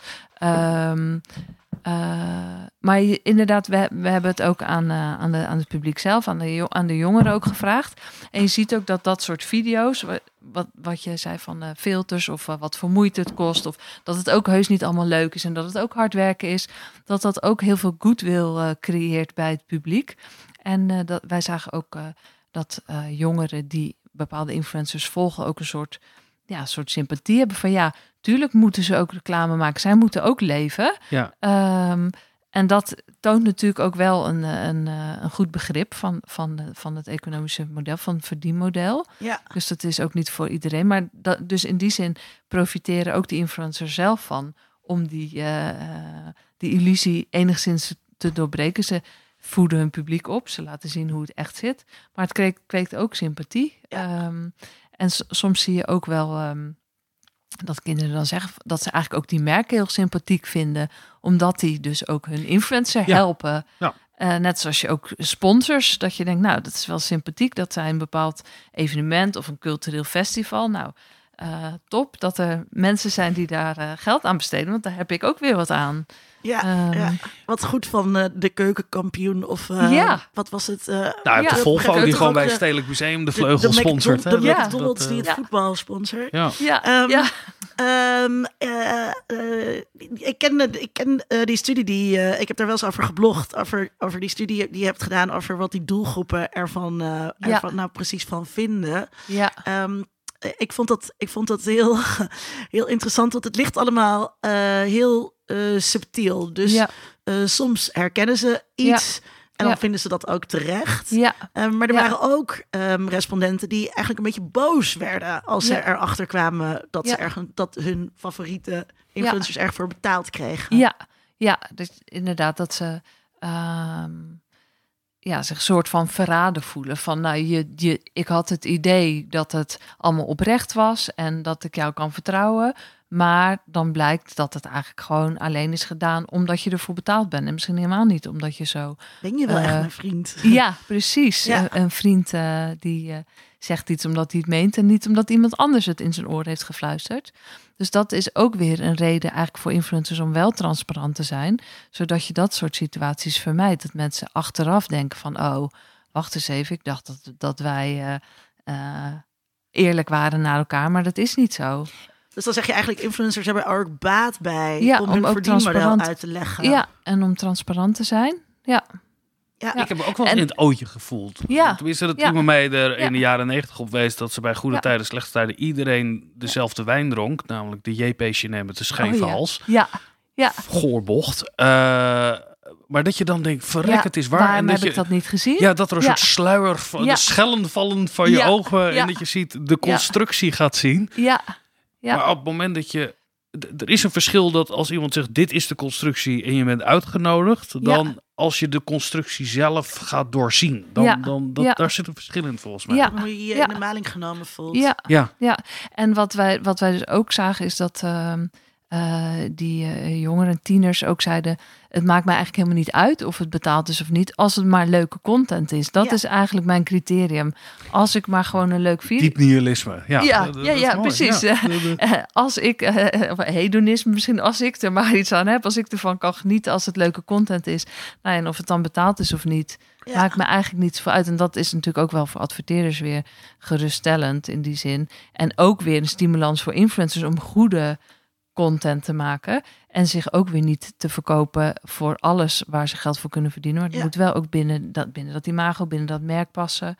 Ehm, Vind je- Ben je, het daar, ben je het daarmee eens? Van oké, dat als die tieners zeggen van eh, maakt mij niet zoveel uit of ik beïnvloed word of niet, zolang die filmpjes maar leuk zijn. Ja, ik zat te denken Van- aan, vanuit aan, een- aan vanuit koffietijd dat net stopt. Wat natuurlijk ook gewoon een vehikel van Unilever is. Koffietijd Eh, stopt. Ja, koffietijd stopt. Oh Koffietijd mijn stopt. god. Ja, Ja, sorry dat ik dat... Dat ik er net Sorry. geweest ben. Ah, yes. S- Sorry dat... Zo hard. Sorry deze Ik had even moeten zeggen Ja, dat je moet gaan zitten. Ja, nee, nee, ja. maar ik, Oh. het was voor mij altijd een live goal om bij koffietijd te zijn. En ik ben, eh, wat was het, een maand of zo geleden, was Ja. bij koffietijd. Nou, ja, Dus eh, nu wat- wat het. heerlijk, Ben jij nooit ja. geweest? Nee, Oh, nee. nou, misschien kan je nog net. Ja, ja, ja. Nou ik ja, weet niet of dat jij te gast was, de druppel was dat ze ermee stoppen. Maar Het is toch eh, de Toen was winkel het nu van volbracht. de Nationale Postcode Loterij? Ja, dat was het eerste Unilever, ja. waar ze ja. ja, wat volgens mij hetzelfde eh, gebouw is als de Villa, toch? Eh, waar ooit eh, Terror Jaap... eh, maar even Zeker niet. Nee, nee. Oh, dit is een andere... nee, dit is aan de Beethovenlaan. Nee, maar kijk, televisie. kijken mensen ook naar de Mask Singer. En ik had ooit iemand die stage liep bij een programma die Vivid eiste dat het hele decor dezelfde kleurstelling Oh ja. had als de was het programma van een van de boshartjes. Dus ja, we worden continu daarin en dat vinden we wel oké. Dus Nee, maar dat bij, eens vraag. mijn vraag. Maar, Ik heb of, een vraag aan jou gesteld. of ik dat erg vind. Wat je daarvan vindt. Ik, ik, ik, Als, als, als mediawetenschapper van een, van een afstandje. ik vind het eigenlijk, ik vind het een hele realistische, eh, goede duiding. Als jij daar plezier aan beleeft en het wordt door iemand betaald en je hebt het idee, want ik denk dat je dat, ik weet niet of die pubers dat dan hebben, maar ik mag allemaal gratis dingen zien, Mhm. eh, ook op YouTube. Mhm. Ik doe dat ook. Ik, ik krijg allemaal reclames. Ik betaal daar helemaal niets voor. Ik snap hoe het werkt. Ik snap Mhm. dat ik daarmee ook iets verkoop, maar niet Ja. letterlijk. Ja. Ik ben bereid deze ruilhandel aan te gaan. Zou ik bereid zijn om een kanaal gewoon zoals ik dat met Netflix betaal ik, eh, wat betaal ik 13 euro of zo. Had ik dat wil, daaraan willen uitgeven? Nou, waarschijnlijk niet. Ik heb genoeg geld, maar dat zou ik dan weer niet doen. Dan. Dus Ja. ik, het, het is heel bewust dat ik die mijzelf eh, eh, blootstel aan reclames, omdat ik er ook iets voor terugkrijg. Want ja, zo werkt televisie ook en YouTube werkt Ja. ook zo en Ja. alle, alle platformen. Dus ik vind Ja. dat niet erg. Nee. Nee. Jij wel dan? Je Ja, kijkt me heel ja, bedenkelijk ja, ja. aan. Ja, ik ben, Eh, daar, eh, ik ben daar toch wel. Ik heb daar veel meer mijn bedenkingen bij. Eh, vanwege die hele vage grenzen tussen, tussen het kunnen herkennen en niet. Ja, En ja. dat is wel echt dat verschil tussen dat reclameblok met O.J. Simpson erin Ja. en Theo die dan met een speeltje op de foto eh, Ja. gaat. Met Ja. een strategisch geplaatst Ja. speeltje. ja. Waarbij Maar- Coca-Cola, het Coca-Cola-logo net naar de kijker toe gedraaid ja, is. Ja, Zoals maar- dat in soaps ging. Ja. Ja. maar in ons onderzoek was dus de vraag aan kinderen van als het erbij staat dat het betaald is, zou je dan nog kijken of niet? Ja. En dan zei ze, nou, dat maakt me eigenlijk niet uit of het betaalt als het maar goede content is. Ja. En dat inderdaad wat jij zegt, als het niet duidelijk is, dat is, dat is weer een ander, of je, de- of je dat oké vindt. Want dat heb je ook gevraagd, toch? Aan, aan de kinderen en jongeren. Van, Ja. Vinden jullie het oké als iets betaald wordt zonder dat het duidelijk is dat het betaald wordt? Eh, misschien heb jij het nu beter, dat met die beter in, in gedachten dan... eh, Dus was, eh, nog één Oh, keer, dus- als ja, je... dus als, als ehm, wat, ze, wat ze ervan vinden eh, dat iets betaalde content Ja. is, zonder dat zij, Ja. zonder dat duidelijk gemaakt Ja. wordt of iets betaalde content ja, ja, ja, is. inderdaad. Ja, nee, dat klopt. En sommige kinderen... Dat waren volgens mij de Doritos. Ja, ja en, en sommige kinderen, maar dat waren vooral de kinderen die dus eigenlijk niet goed begrepen hoe het werkte. Die dachten ook, ja, dat hoef ik niet te weten. Terwijl kinderen die zich enigszins bewust waren van de invloed die de programma's op hen had, die wij zeiden eigenlijk, we willen het wel weten. En dat laat dus eigenlijk zien dat juist die, de kwetsbare kinderen eigenlijk tegen zichzelf beschermd moeten worden. Want die vinden het niet belangrijk, maar die zien ook de invloed niet. Ja. En die willen het dus ook niet weten. Maar dat zijn dus wel degenen die beïnvloed worden, omdat ze het dus niet weten. En Ja. de kinderen die iets kritischer zijn en denken, hé, hey, misschien word ik hier beïnvloed, die willen het ook weten. En, Dus- en die kwetsbare kinderen, dat zijn dus vaak ook de kinderen wiens ouders geen tijd hebben om met ze te gaan zitten. Ja, Dus ehm eh, één functie van eh, dat herkennen eh, is, is dus leeftijd. En een Ja. andere, eh, en wat daarmee ook te maken heeft, is een soort media savviness ja, eigenlijk. ja, Ja, ja, ja. ja. is die morele op. Ik zat. te- te- we hebben een lange geschiedenis dat we het mediagebruik van de jonge mensen Ja. van onze generatie altijd als het. Nou, dit is het moment dat Ja. het echt fout gaat. Ja, ja, ja. Want product placement, nou, je hebt er zelf onderzoek naar gedaan. Dat is natuurlijk al zo. Ook in de Nederlandse film bijvoorbeeld. Zijn heel veel films waar mensen niet weten dat er product placement Nee. in zit. En, en, en nou, dat wordt dan mede. Ja. Maar nu er dan 16-jarigen of jonger nog, dat, dan ontstaat die morele ophef. ja. ja nee, Is dat wel terecht? Ja, nee, daar heb je inderdaad natuurlijk, daar heb je natuurlijk gelijk in. Het was iedere keer eh, de ouderen vonden wat de jongeren deden schadelijk. Dan was het eh, rock en roll, dan was het eh, Elvis, dan was het, nou dat is hetzelfde, Ja. maar eh, dan wordt het nu, nee, nu, nu gaat het echt mis. En inderdaad, nu is het op internet, nu gaat het daar echt mis. Jongeren die op een kamer met een transistorradio Ja, eigen media gebruik. Dat, Ja. dat, dat is ook zo'n patroon. Of boekjes kopen, eh, strips natuurlijk. Ja, geen eh, controle meer. Ja, en- als dat zich onttrekt aan het ouderlijk gezag, nou dan gebeuren dingen. ja, Dat moeten we niet willen. Ja, nou dat is inderdaad mooi om, om die, die parallel te trekken. En dat relativeert het natuurlijk inderdaad ook. Dat eh, inderdaad vroeger was als je dan zelf eh, je, eigen radiootje had, nou dan hadden de ouders geen controle meer. En nu wordt natuurlijk heel vaak gedacht, ja maar nu hebben ze een eigen smartphone, nu, eh, nu zijn we de controle kwijt. Gedeeltelijk is dat natuurlijk wel zo. Als je het voor- bijvoorbeeld vergelijkt met televisie, dat was natuurlijk nog veel meer iets wat aan, zolang het in de woonkamer was, op hun eigen kamers natuurlijk ook al niet, maar in de woonkamer was het natuurlijk nog wel iets waar je als ouder makkelijker meekeek of wat, Wat wat meer samen, was. sa wat ook iets was wat je samen deed. Ehm, ook En de het aanbod was ook gewoon kleiner. Ja, het als je als kind... Ja. ja, Ik kan denk ik als puber misschien wel eens op vrijdagavond laat RTL Plus gekeken hebben. Maar dat Ja, was ongeveer het meest... Het- het- nou inderdaad, Ja. dat soort... Maar, maar ook zeg maar, dus Eh, de, de, Tutti de, frutti. Maar, maar even... de, de tijdschriften die, eh, die ik kocht als puber, eh, die kon mijn moeder gewoon inkijken. ja, Ja. Terwijl ehm, ehm, op het moment dat je nu als Ja. ouder zegt, ik neem ook een kijkje op Instagram, Ja. eh, tenzij je Ja. dat doet op de telefoon van je kind, wat Ja. niet oké is, ehm, Ja. eh, heb je geen idee hoe Nee. iemands feed eruit Nee. ziet. En dat is die, die, dat gebrek aan navolgbaarheid. Ja. Ik denk dat dat ja gewoon dat is wel een verschil. dat echt heel groot is. En dus Ja. ook maakt dat het dus voor het commissariaat voor de media heel Ja. ingewikkeld is om dit soort dingen te controleren. Of Ja. om ook te bedenken wanneer is content eigenlijk voor kinderen onder de 13. En Ja, nog ehm, een ding wat ik echt wel een wezenlijk verschil vind. Want ik heb jarenlang geroepen, weet je wel, dit is een nieuw ding. Maar mensen maken nu ook zelf dingen. Dat is Ja. natuurlijk een Ja. enorm verschil. Dat eh, vanuit onze jeugd, ja, wij maakten niks. Nee, Eh. Uh, eh, for yourself. nou ja, Jij misschien een paar foto's, 24 opnames met Nee, zeker niet. Ik had, eh, Lokaal krantje. Fanfictie in je tijdschrift. ja, dus mijn ouders hadden zo'n ouderwetse bandrecorder. Oh, en ja. daar maakte ik toen ook al, ja, eigenlijk wat je podcast zou kunnen, maakte ik Ja. radio- zo speelde ik radioprogramma maken.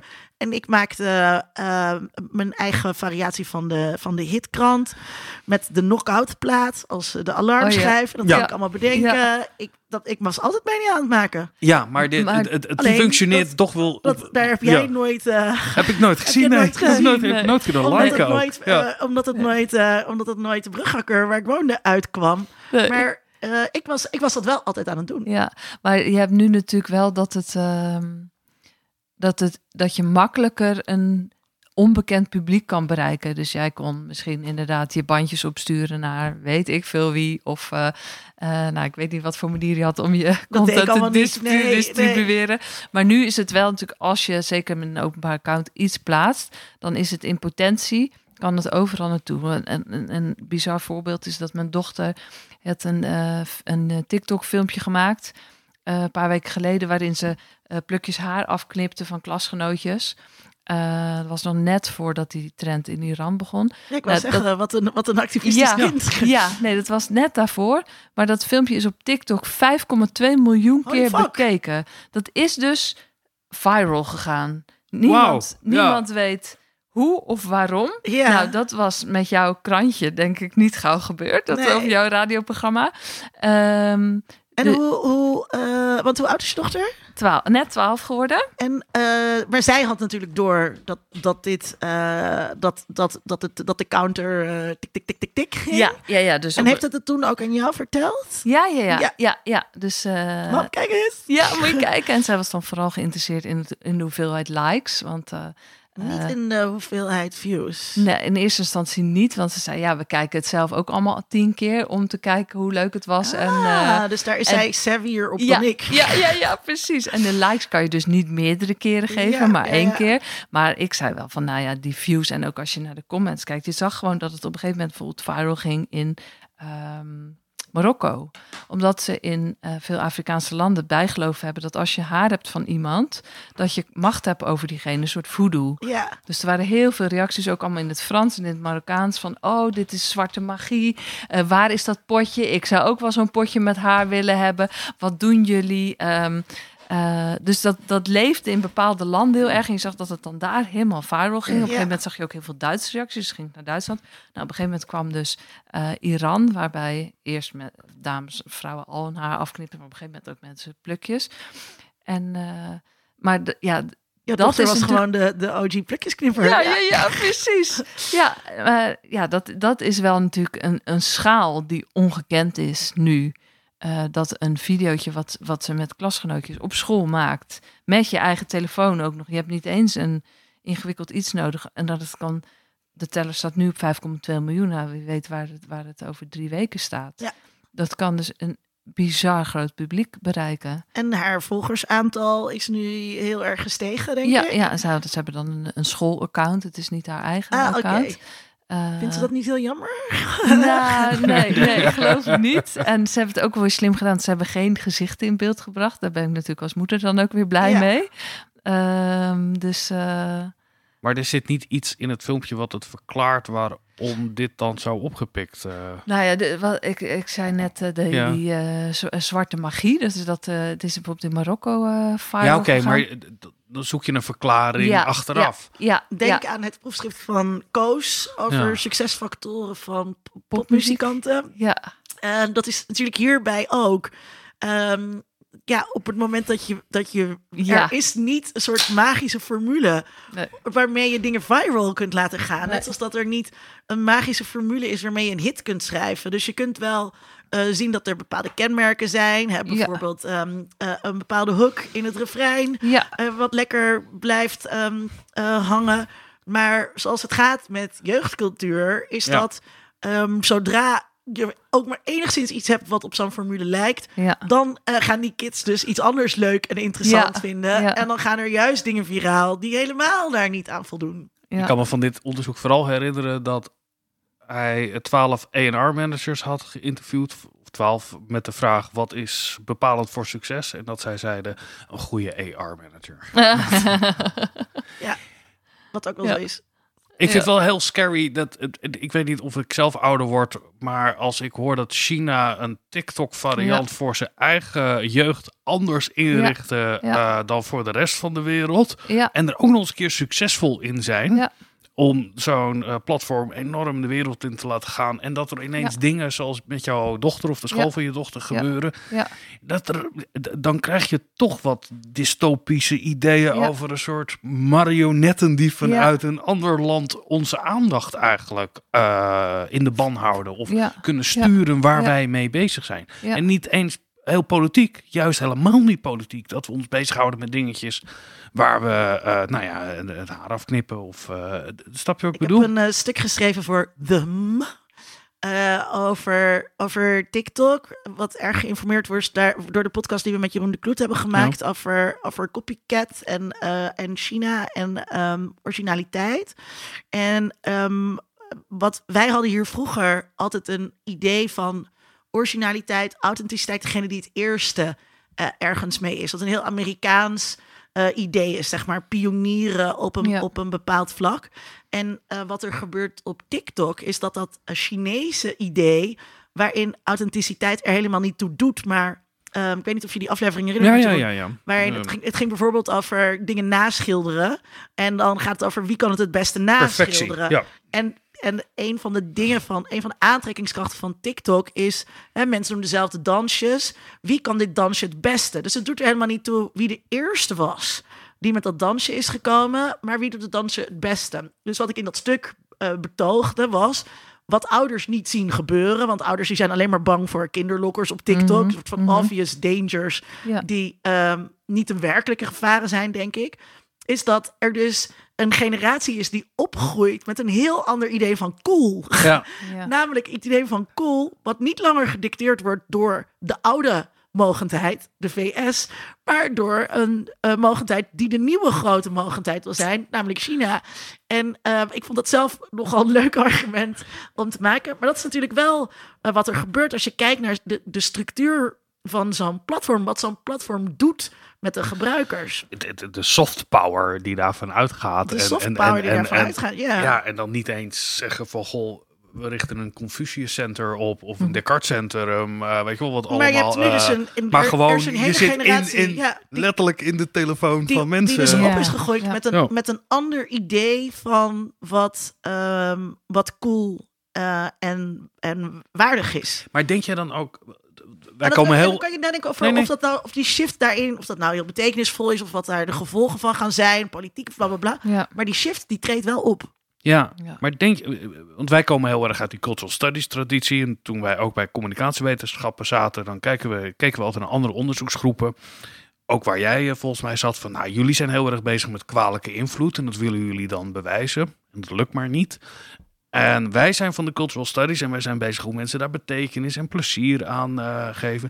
Ik ben daar op dit mediagebruik wel een beetje anders over gaan denken. Heb Wat jij dan? dat, Ook helemaal niet. Dat, die, dat hele idee van actieve betekenisgeving en toe-eigening daarvan. In, in, bij dit soort grote systemen met de algoritmes die daarin werken, eh, de grote partijen die daar een belang bij hebben, het enorme eh, onderzoek wat daar achter schuil gaat over hoe dit, eh, wat niet zichtbaar is voor ons allemaal, vind ik. en dan weet ik niet of ik gewoon een oude man ben geworden. en Denk van, nou, deze generatie, dit is nu echt erg. Maar het, het, het, het het blijmoedige. nog over en toen draaide je de andere kant op. Nee, maar het blijmoedige daarvan, eh, wat wij vanuit de jaren 80, 90 eh, denken hadden, ja, daar, daar kijk ik nu wel anders naar. Nee, ja. ik vind dus juist ehm, ehm, wat, ik, wat ik geinig vind en wat heel erg in de geest is van John Fisk, wat een cultural studies eh, onder- onderzoeker is, Ja. een theoreticus is, is dat ehm, hij heeft een fantastisch stuk over de spijkerbroek en hoe eh, de winkel de spijkerbroek aanbiedt in een bepaalde vorm en dan gaan jongeren ehm, in de was stoppen en eraan knippen. Nou ja, de scheuren die nu de winkel voor je maakt, Ja. en dat deden jongeren in de jaren tachtig ehm, zelf. En dat is hierbij ook. Dus zo'n platform heeft bepaalde functionaliteiten. En vervolgens gaan eh, eh, jongeren, eh, of volwassenen trouwens ook, die gaan daar dingen mee doen. En die verzinnen nieuwe dingen. Dus op Twitter bijvoorbeeld, hè, de retweet Ja. was bedacht voordat dat een technische functionaliteit werd. Dus ehm, eh, wat- wat je bij dit soort platforms heel erg ziet, is dat de gebruikers maken ook wat het platform is. Ja, maar dat is precies mijn zorg. Dat er een platform is waarbinnen al deze dingen best- bestaan. Dat de mensen die hierover nadenken en het maken dat ook heel goed weten. Ook heel goed weten dat je niet dingen moet inperken, maar dat je moet meebewegen daarin.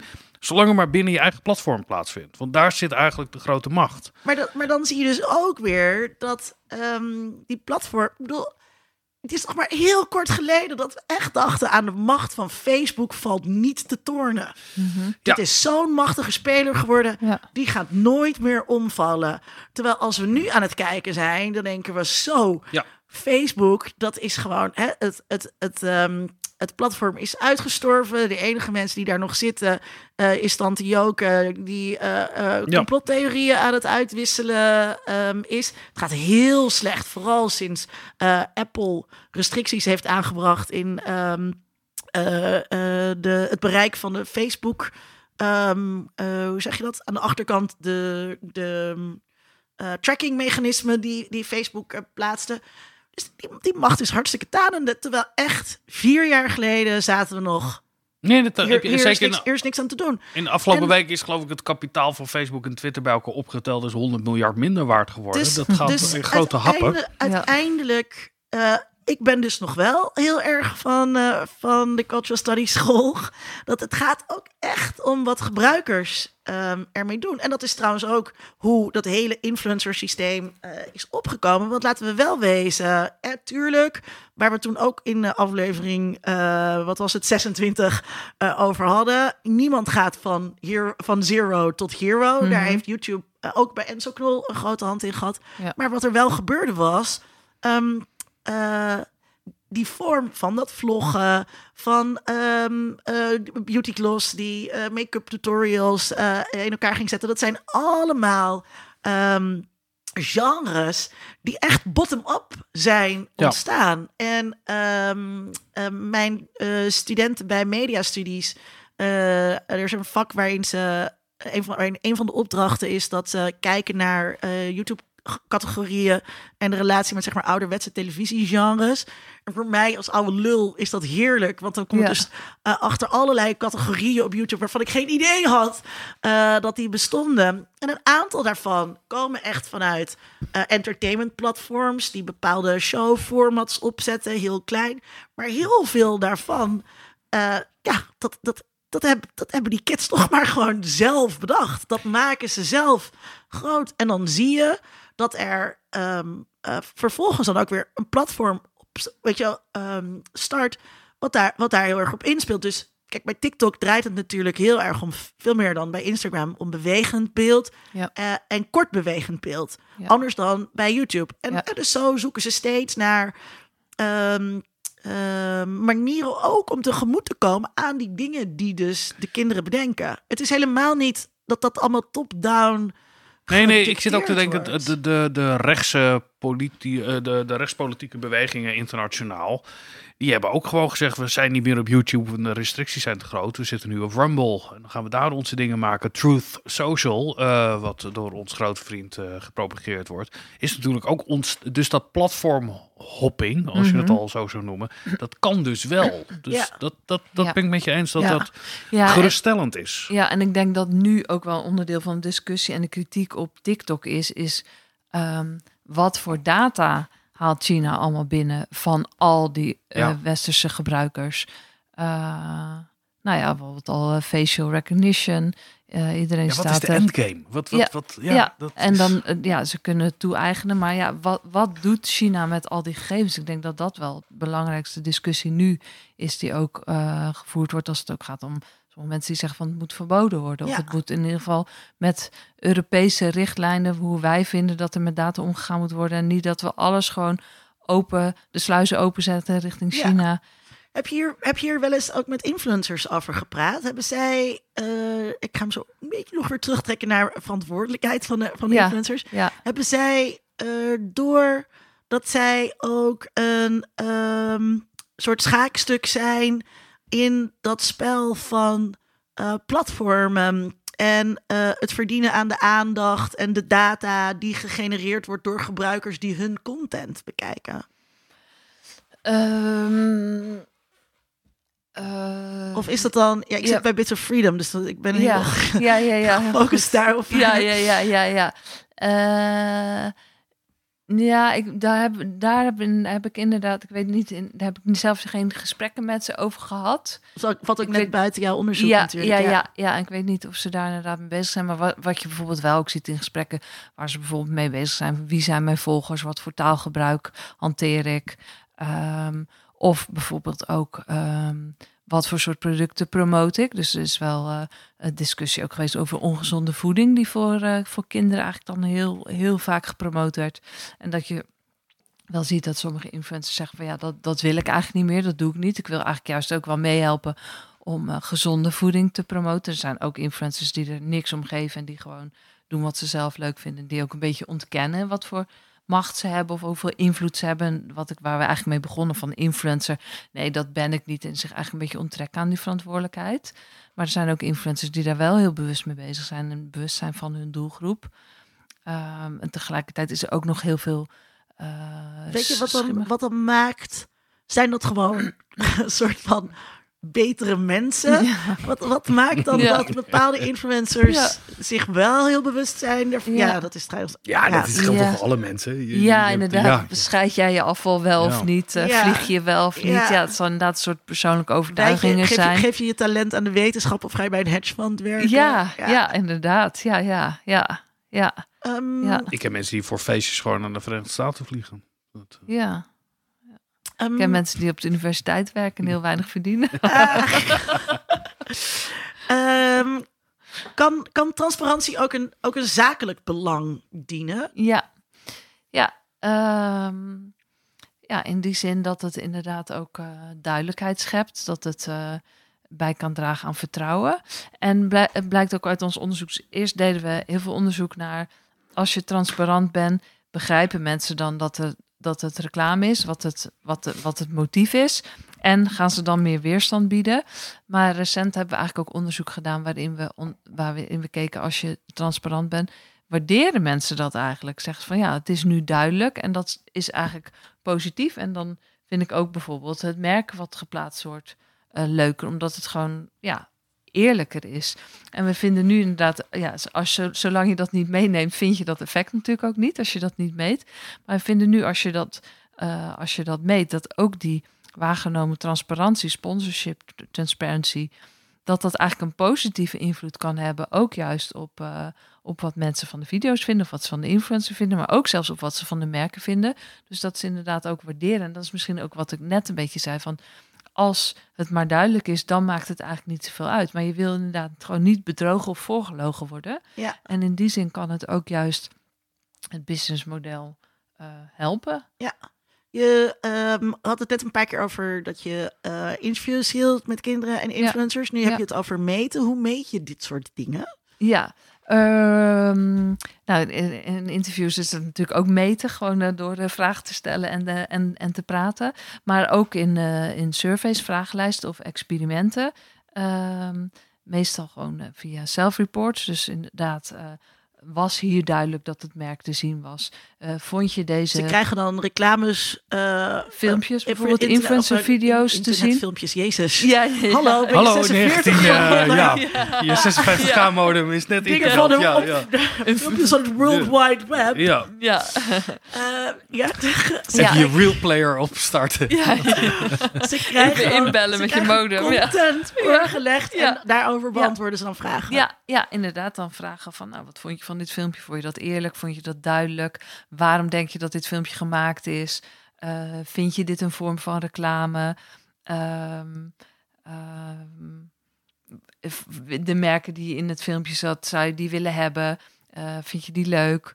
Dat soort vragen stellen, zowel aan kinderen als aan volwassenen.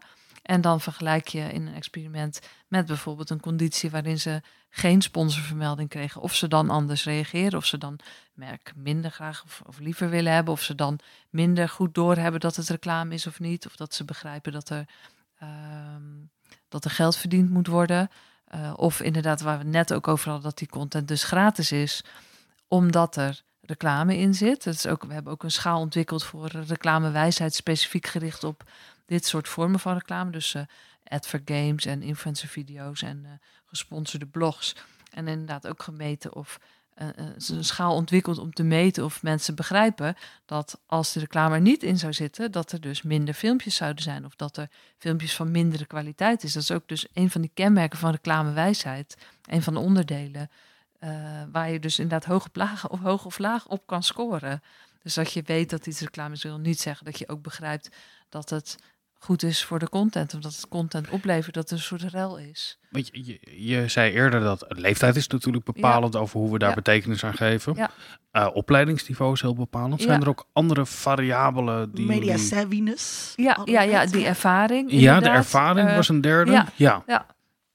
Eh, ook wel eh need for cognition. Dus hoe graag denk je na over dingen? Ja. Ehm, dus dat, dat Oh, dat vind ik wat een prachtig. ja, Maar Ja. hoe, hoe, hoe krijg je daar Heb je dat? Niet voor cognition. dat op basis van? Ja. self-reporting? ja, ja, dus er zijn Hoe graag denk je na over dingen op een schaal van 1 tot 10? Ja, Dat- ja nou, er zijn gevalideerde schalen voor. Ja? Dus eh, inderdaad geniet je van het oplossen van ingewikkelde puzzels. Denk je graag na. Wil je problemen Verbaast je tot, dit, Vincent? tot in de kern Nee, ik, ik ken de gevalideerde vraaglijsten, maar Ja. nee, nee, nee. Maar, ja. ik, maar, gewoon dat daar, dat daar verschil is bij mensen. Want kijk, wij zitten hier als wetenschappers Ja, aan tafel. Met een high need for we zijn cognition. fucking wetenschappers. Ja. Ehm, wij, wij hebben dat heel erg. Maar ik heb ook vrienden Mhm. die gewoon geen enkele interesse hebben Nee. in dingen leren. Nadenken, Die, wa- ja. waar, waarvan ik ook echt denk, oké, ik vind jou zo ingewikkeld om te begrijpen. Hoe kan ik jou begrijpen? Ik wil meer over jou leren. denk dat. Ja, Maar dat, mensen hebben dat. Sommige mensen hebben Ja. no need for cognition. ja. ja. Nou, heel, nee, ik, ik, er is niemand in mijn omgeving die aan deze, dit criterium voldoet. Ja, ik zou ook niet weten waar ik moet beginnen dan. eh, om contact te hebben. Maar dat is een soort persoonlijke ontboezeming. Maar ik snap dat dat een... een, een, een- en hoe eh, correleren deze variabelen zich tot elkaar? Is het zo dat mensen die hoger opgeleid zijn en veel kijken dat het elkaar versterkt? Of als je lager opgeleid bent en veel Ja. kijkt dat het dan Ja. op een negatieve manier versterkt? Ja, nou, dat is heel leuk dat je dat vraagt. Want ik heb eh, eh, samen met Sophie Boerman en Esther Roosendaal hebben we ge- geprobeerd te kijken welke factoren dus van invloed zijn op die reclamewijsheid. En inderdaad ook gekeken naar moderatoren, zoals je dat noemt, van hoe interacteren die verschillende Ja. variabelen. Nou, dat, werd, dat werden zulke ingewikkelde analyses en zulke ehm, eh, onmogelijke patronen. Dat we daar dat we hebben gedacht, oké, we moeten eerst gewoon de directe voorspellers Ja. blootleggen. Kijken of het verschilt per verschillende eh, media, bijvoorbeeld mediumtypes. Ehm, maar wij hadden inderdaad ook die gedachte van dat moet ook op een of andere manier interacteren of elkaar versterken. Maar we, in, in die studie zijn we daar nog niet in geslaagd. We Omdat zijn vastgelopen in de ja, data. Ja, ja in, Dat, de, in, de, in de ingewikkeldheid. eh, eh, maar we zagen daar wel verschillende type mensen. Eh, dus mensen die bijvoorbeeld eh, eh, heel goed weten dat iets reclame is en ook heel kritisch zijn. Maar ook mensen die ehm, eh, eigenlijk niet weten dat iets reclame is en helemaal niet kritisch zijn. Dus eigenlijk eh, eh, de naïvelingen bijvoorbeeld. En die dus inderdaad ook weinig niet voor cognition hebben. Die gewoon denken, kom maar allemaal binnen en eh, ik, het interesseert me ook niet. En wat we eigenlijk net ook met die kinderen over hadden, maar die ondertussen misschien wel het meest beïnvloed worden. Ja. Ehm, en daarvan we- ze hebben allerlei clusters eh, eh, ontdekt van verschillende combinaties van, van reclamewijsheid. Dat je ofwel kritisch ofwel kennis of niet.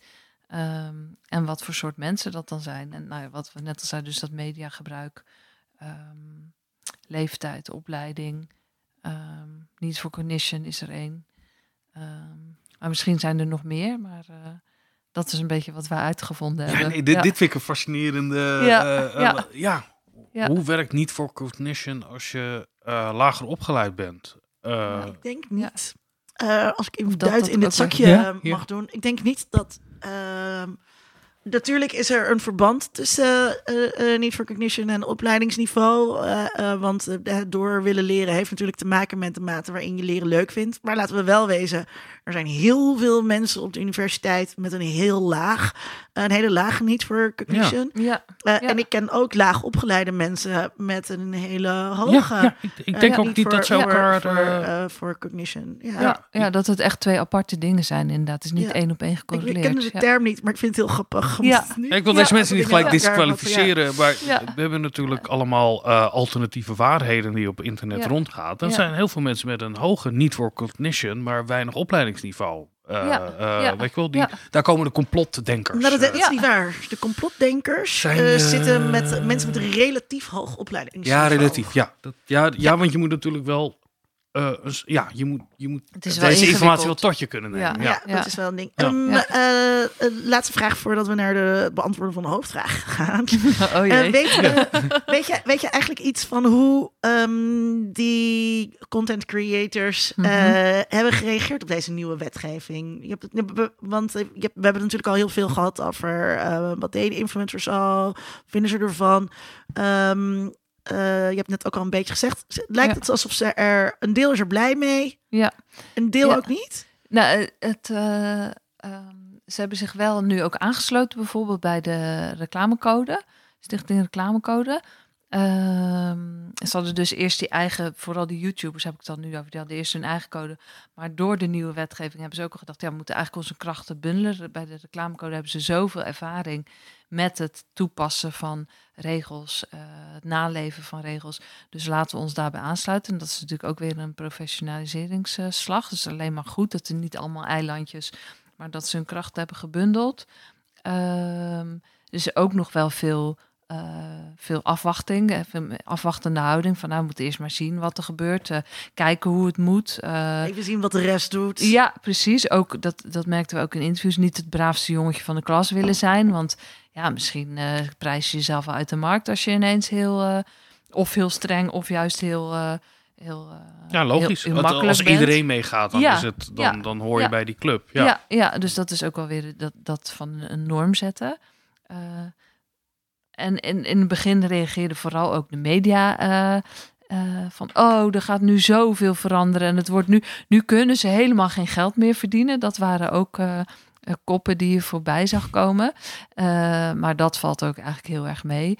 Ehm, en die wetgeving is ook niet gemaakt om, om het verdienmodel kapot te maken of om de hele economie de nek om te draaien. Ehm, maar het gaat gewoon om transparantie en bepaalde dingen mogen niet. En nou ja, En de boel eh, gelijk trekken met andere media. Ja, precies. Ja. Ehm, grappig is, ehm, we, deze aflevering stond al, stond al eh, wat langer gepland. ja. Eh, maar het ging er van alles eh, mis. En volgens mij was dat voor eh 1 juli. Want, ehm, en toen heb ik dit draaiboek ook gemaakt. Want als ik nu terugdenk, zeg maar. Ehm, want oorspronkelijk, ik zei nu aan het begin sinds 1 juli, maar oorspronkelijk stond in het draaiboek vanaf 1 juli. Valt eigenlijk best wel mee, Ja, toch? Wat ja, voor veranderingen wat voor verschuiving. Ja, hoe kijk jij Ja. ernaar? ja, inderdaad, dat ben ik met je eens. Het leek van, oh, nu gaat de wereld helemaal veranderen. Ja, Eh, nou ja, het wordt, het wordt eh, eh, geïmplementeerd, er wordt aan gewerkt. Eh, maar inderdaad, niet dat je nu ineens hele andere content ziet. Of dat er influencers omgevallen zijn of gestopt. Of, eh, Ja, maar je kan het op twee manieren uitleggen. Het heeft geen effect. Eh, dat kan je uitleggen als in de zin de, de maatregel werkt niet. Of eh, de maatregel is niet toereikend. Ja, Of ze lappen de maatregelen aan hun laars. nou Of ja, zeker dat je zei, gewoon- die, die, die, dat half miljoen gaat per platform. ja. Dus ja, ik, het is, Ja. je wordt opeens heel aantrekkelijk op 480.000 Ja, volgers. ja, en als ja. je onder een andere naam of Ja. in een samenwerking Ja. ergens anders dat Ja. doet. Dus ja, Ja, nou ja, het is. we moeten nog maar zien hoe dit Ja, ja, maar sowieso geldt, geldt dus de reclamecode voor iedereen. Sowieso geldt eigenlijk de mediawet voor iedereen, maar die naleving en de boetes die opgelegd kunnen worden, de handhaving, zeg maar, wordt alleen gedaan voor, eh, voor de grote nu. Om ook maar te kijken hoe moeten we dit doen, hoe gaan we dit aanpakken. We moeten ergens beginnen. Eh, maar eh, als je kijkt ook online naar de influencerregels, dan staat er wel gewoon, dit geldt echt voor iedereen. Dat is wel de nieuwe norm. Maar de boetes die worden alleen uitgedeeld voor de, voor de grote. Om, ja, ook om ergens te beginnen. Zo is Ja. het ook Ja. wel gecommuniceerd. Ja, dat is ook wel begrijpelijk. Dat brugt heel mooi. Er zitten allemaal mooie bruggetjes in deze aflevering. Dat brugt heel mooi naar ehm, het beantwoorden van de vraag. Wat we altijd doen aan het einde van de aflevering. Eh, ik eh, stel hem eerst en dan mag Vincent hem eerst beantwoorden. En dan mag jij het laatste woord hebben. Tenzij je liever het eerste woord hebt. Dan mag dat ook van mij. Ehm, hoe zorgelijk is het dat bedrijven via influencers hun spullen aan de markt brengen? ik, ik zal kort. Nee, het is helemaal niet zorgelijk. Elk, eh, eh, eh, elke generatie of elke krijgen we nieuwe medium, media die we gebruiken, nieuwe platformen. En dat wordt betaald met reclame. Als we even het alternatief zouden bedenken, dan, dan overvalt mij toch een soort DDR-grijze dat we door de staat Dat zeg aangewezen je alleen digitale maar omdat platformen. Rusland net raketten op Precies. Polen heeft Nee, maar even als we dit opnemen. Nou, En- laat ik dan toch eens. Ik ben ooit in de hele vroege jaren negentig eh, in Warschau geweest. In een, in een stad zonder reclame. Ik vond het echt doodeng. Een stad zonder reclame. Hij is, is heel grauw en, en, en lelijk was dat toen. Ik weet dat het nu radicaal veranderd is.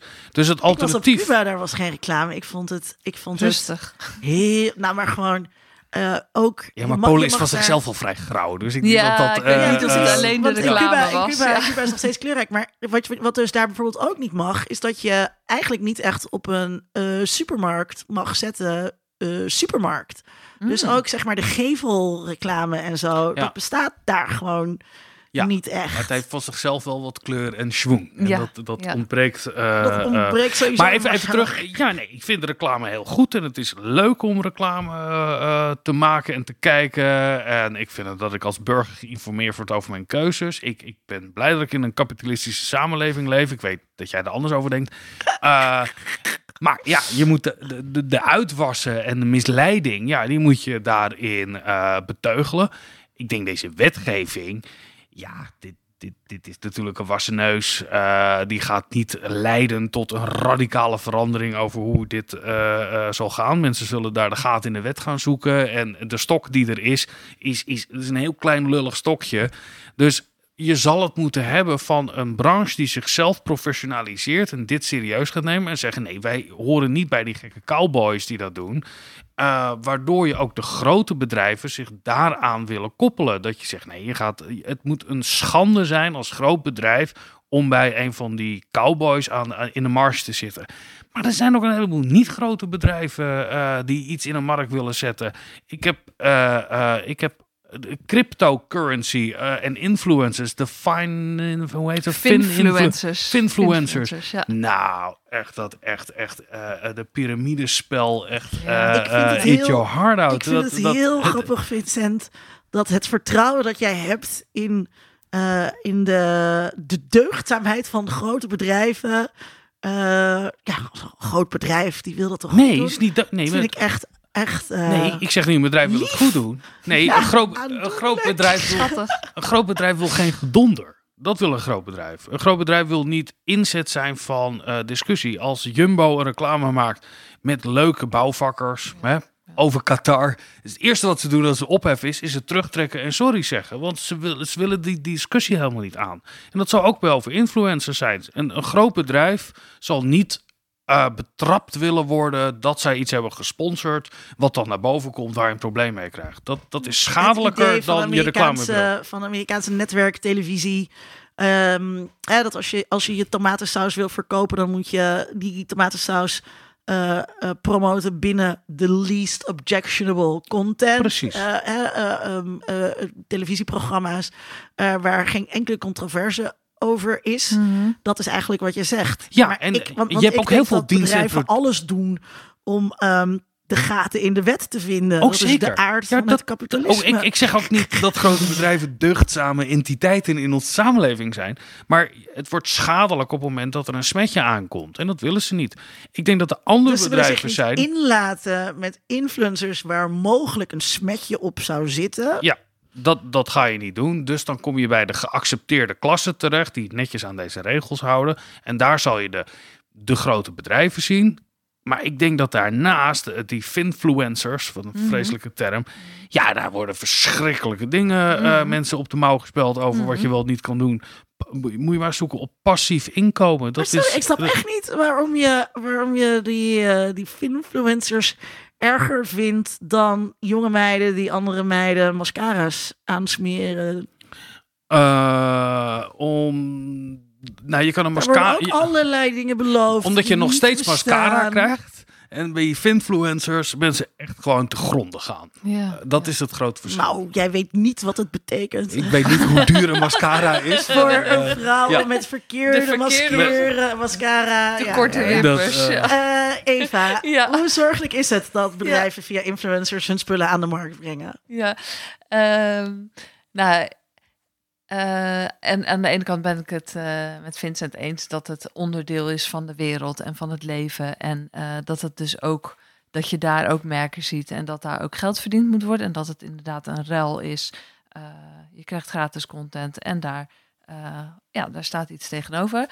Aan de andere kant denk ik wel dat er voor bepaalde doelgroepen en voor bepaalde producten gewoon echt wel regulering nodig is. En dat er gewoon wel schadelijke gevolgen kunnen zijn. Wat voor producten dan? Want daar hebben we het eigenlijk helemaal niet over nee, gehad. Nou ja, ik vind inderdaad die influencers, crypto's, uh, inderdaad piramidespellen, uh, je, jongeren hoort die gewoon bij schuldhulpverlening lopen omdat ze zo beïnvloed zijn door influencers die gouden bergen beloven. Het is krankzinnig natuurlijk dat we nu allemaal ja. gokreclames hebben. Ja. Dat elk voetbalclub nu met een, ja. met een, met een, met zo'n gokhal uh, op, op een shirt. Online, ja. misschien ook bijvoorbeeld um, vitaminepillen die niet werken. Ja, ja inderdaad. Dat soort uh, voedingssupplementen, ongezonde voeding. Ook je kan als overheid plannen van hier tot Tokio hebben om overgewicht terug te dringen. Maar zolang die ongezonde voeding massaal geplucht wordt met megabedragen.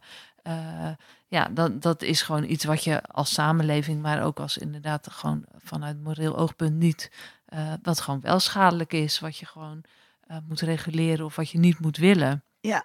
Dus het is aan de ene kant hoort het erbij. Je kan er maar inderdaad zo jong mogelijk, of nou ja, vanaf een bepaalde leeftijd aan wennen, ermee om leren gaan. Uh, het is onderdeel van onze maatschappij, uh, maar niet uh, ongelimiteerd en niet voor alle producten en niet voor alle doelgroepen. En daar is wetgeving voor, een zelfregulering. En uh, nou, ik denk dat dat allemaal hele goede initiatieven zijn. En dat het zich uit zal moeten wijzen hoe effectief dat is en of dat uitgebreid moet worden. Maar ik vind het idee om het in ieder geval te reguleren, hoe ingewikkeld ook, dat dat heel goed is. Omdat er gewoon inderdaad wel schadelijke kanten aan zitten. Ja. Zal ik ook een onverwachte duit in dit zakje doen? Ja, graag. Toen ik in... Uh, Je neemt toch het laatste woord. Of toch over nee, mascara. Het laatste, ja. het laatste woord te nemen, maar um, uh, toen ik uh, de eerste keer in de VS was, toen we naar de ICA gingen in San Francisco, was mijn eerste keer de VS. En uh, volgens mij, ik was mijn deo vergeten of iets dergelijks. En ik stond daar voor een enorme wand.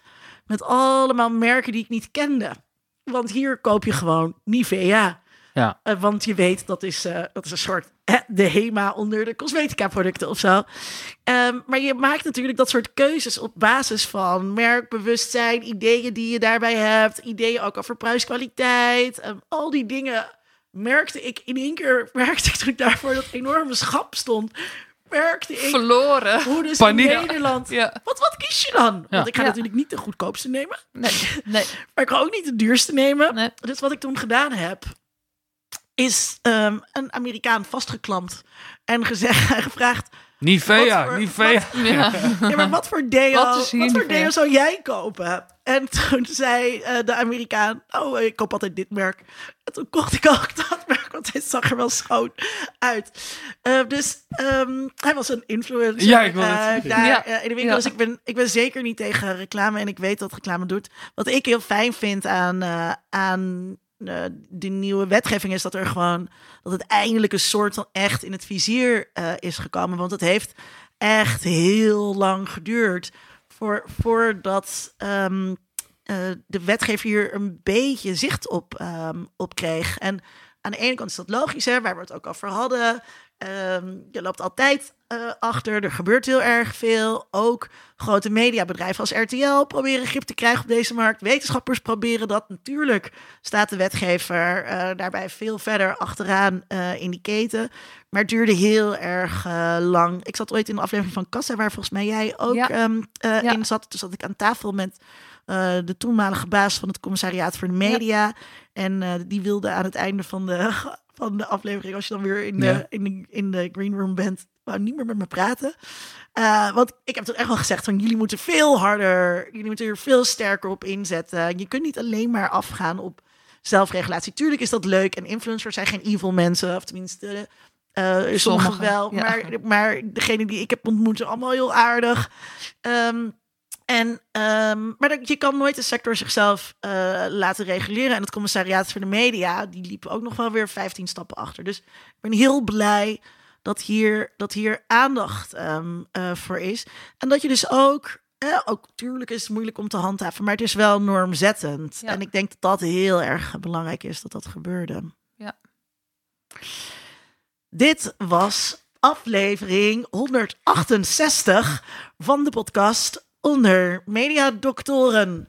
Wij worden niet gesponsord door Albert Heijn voor deze wijn.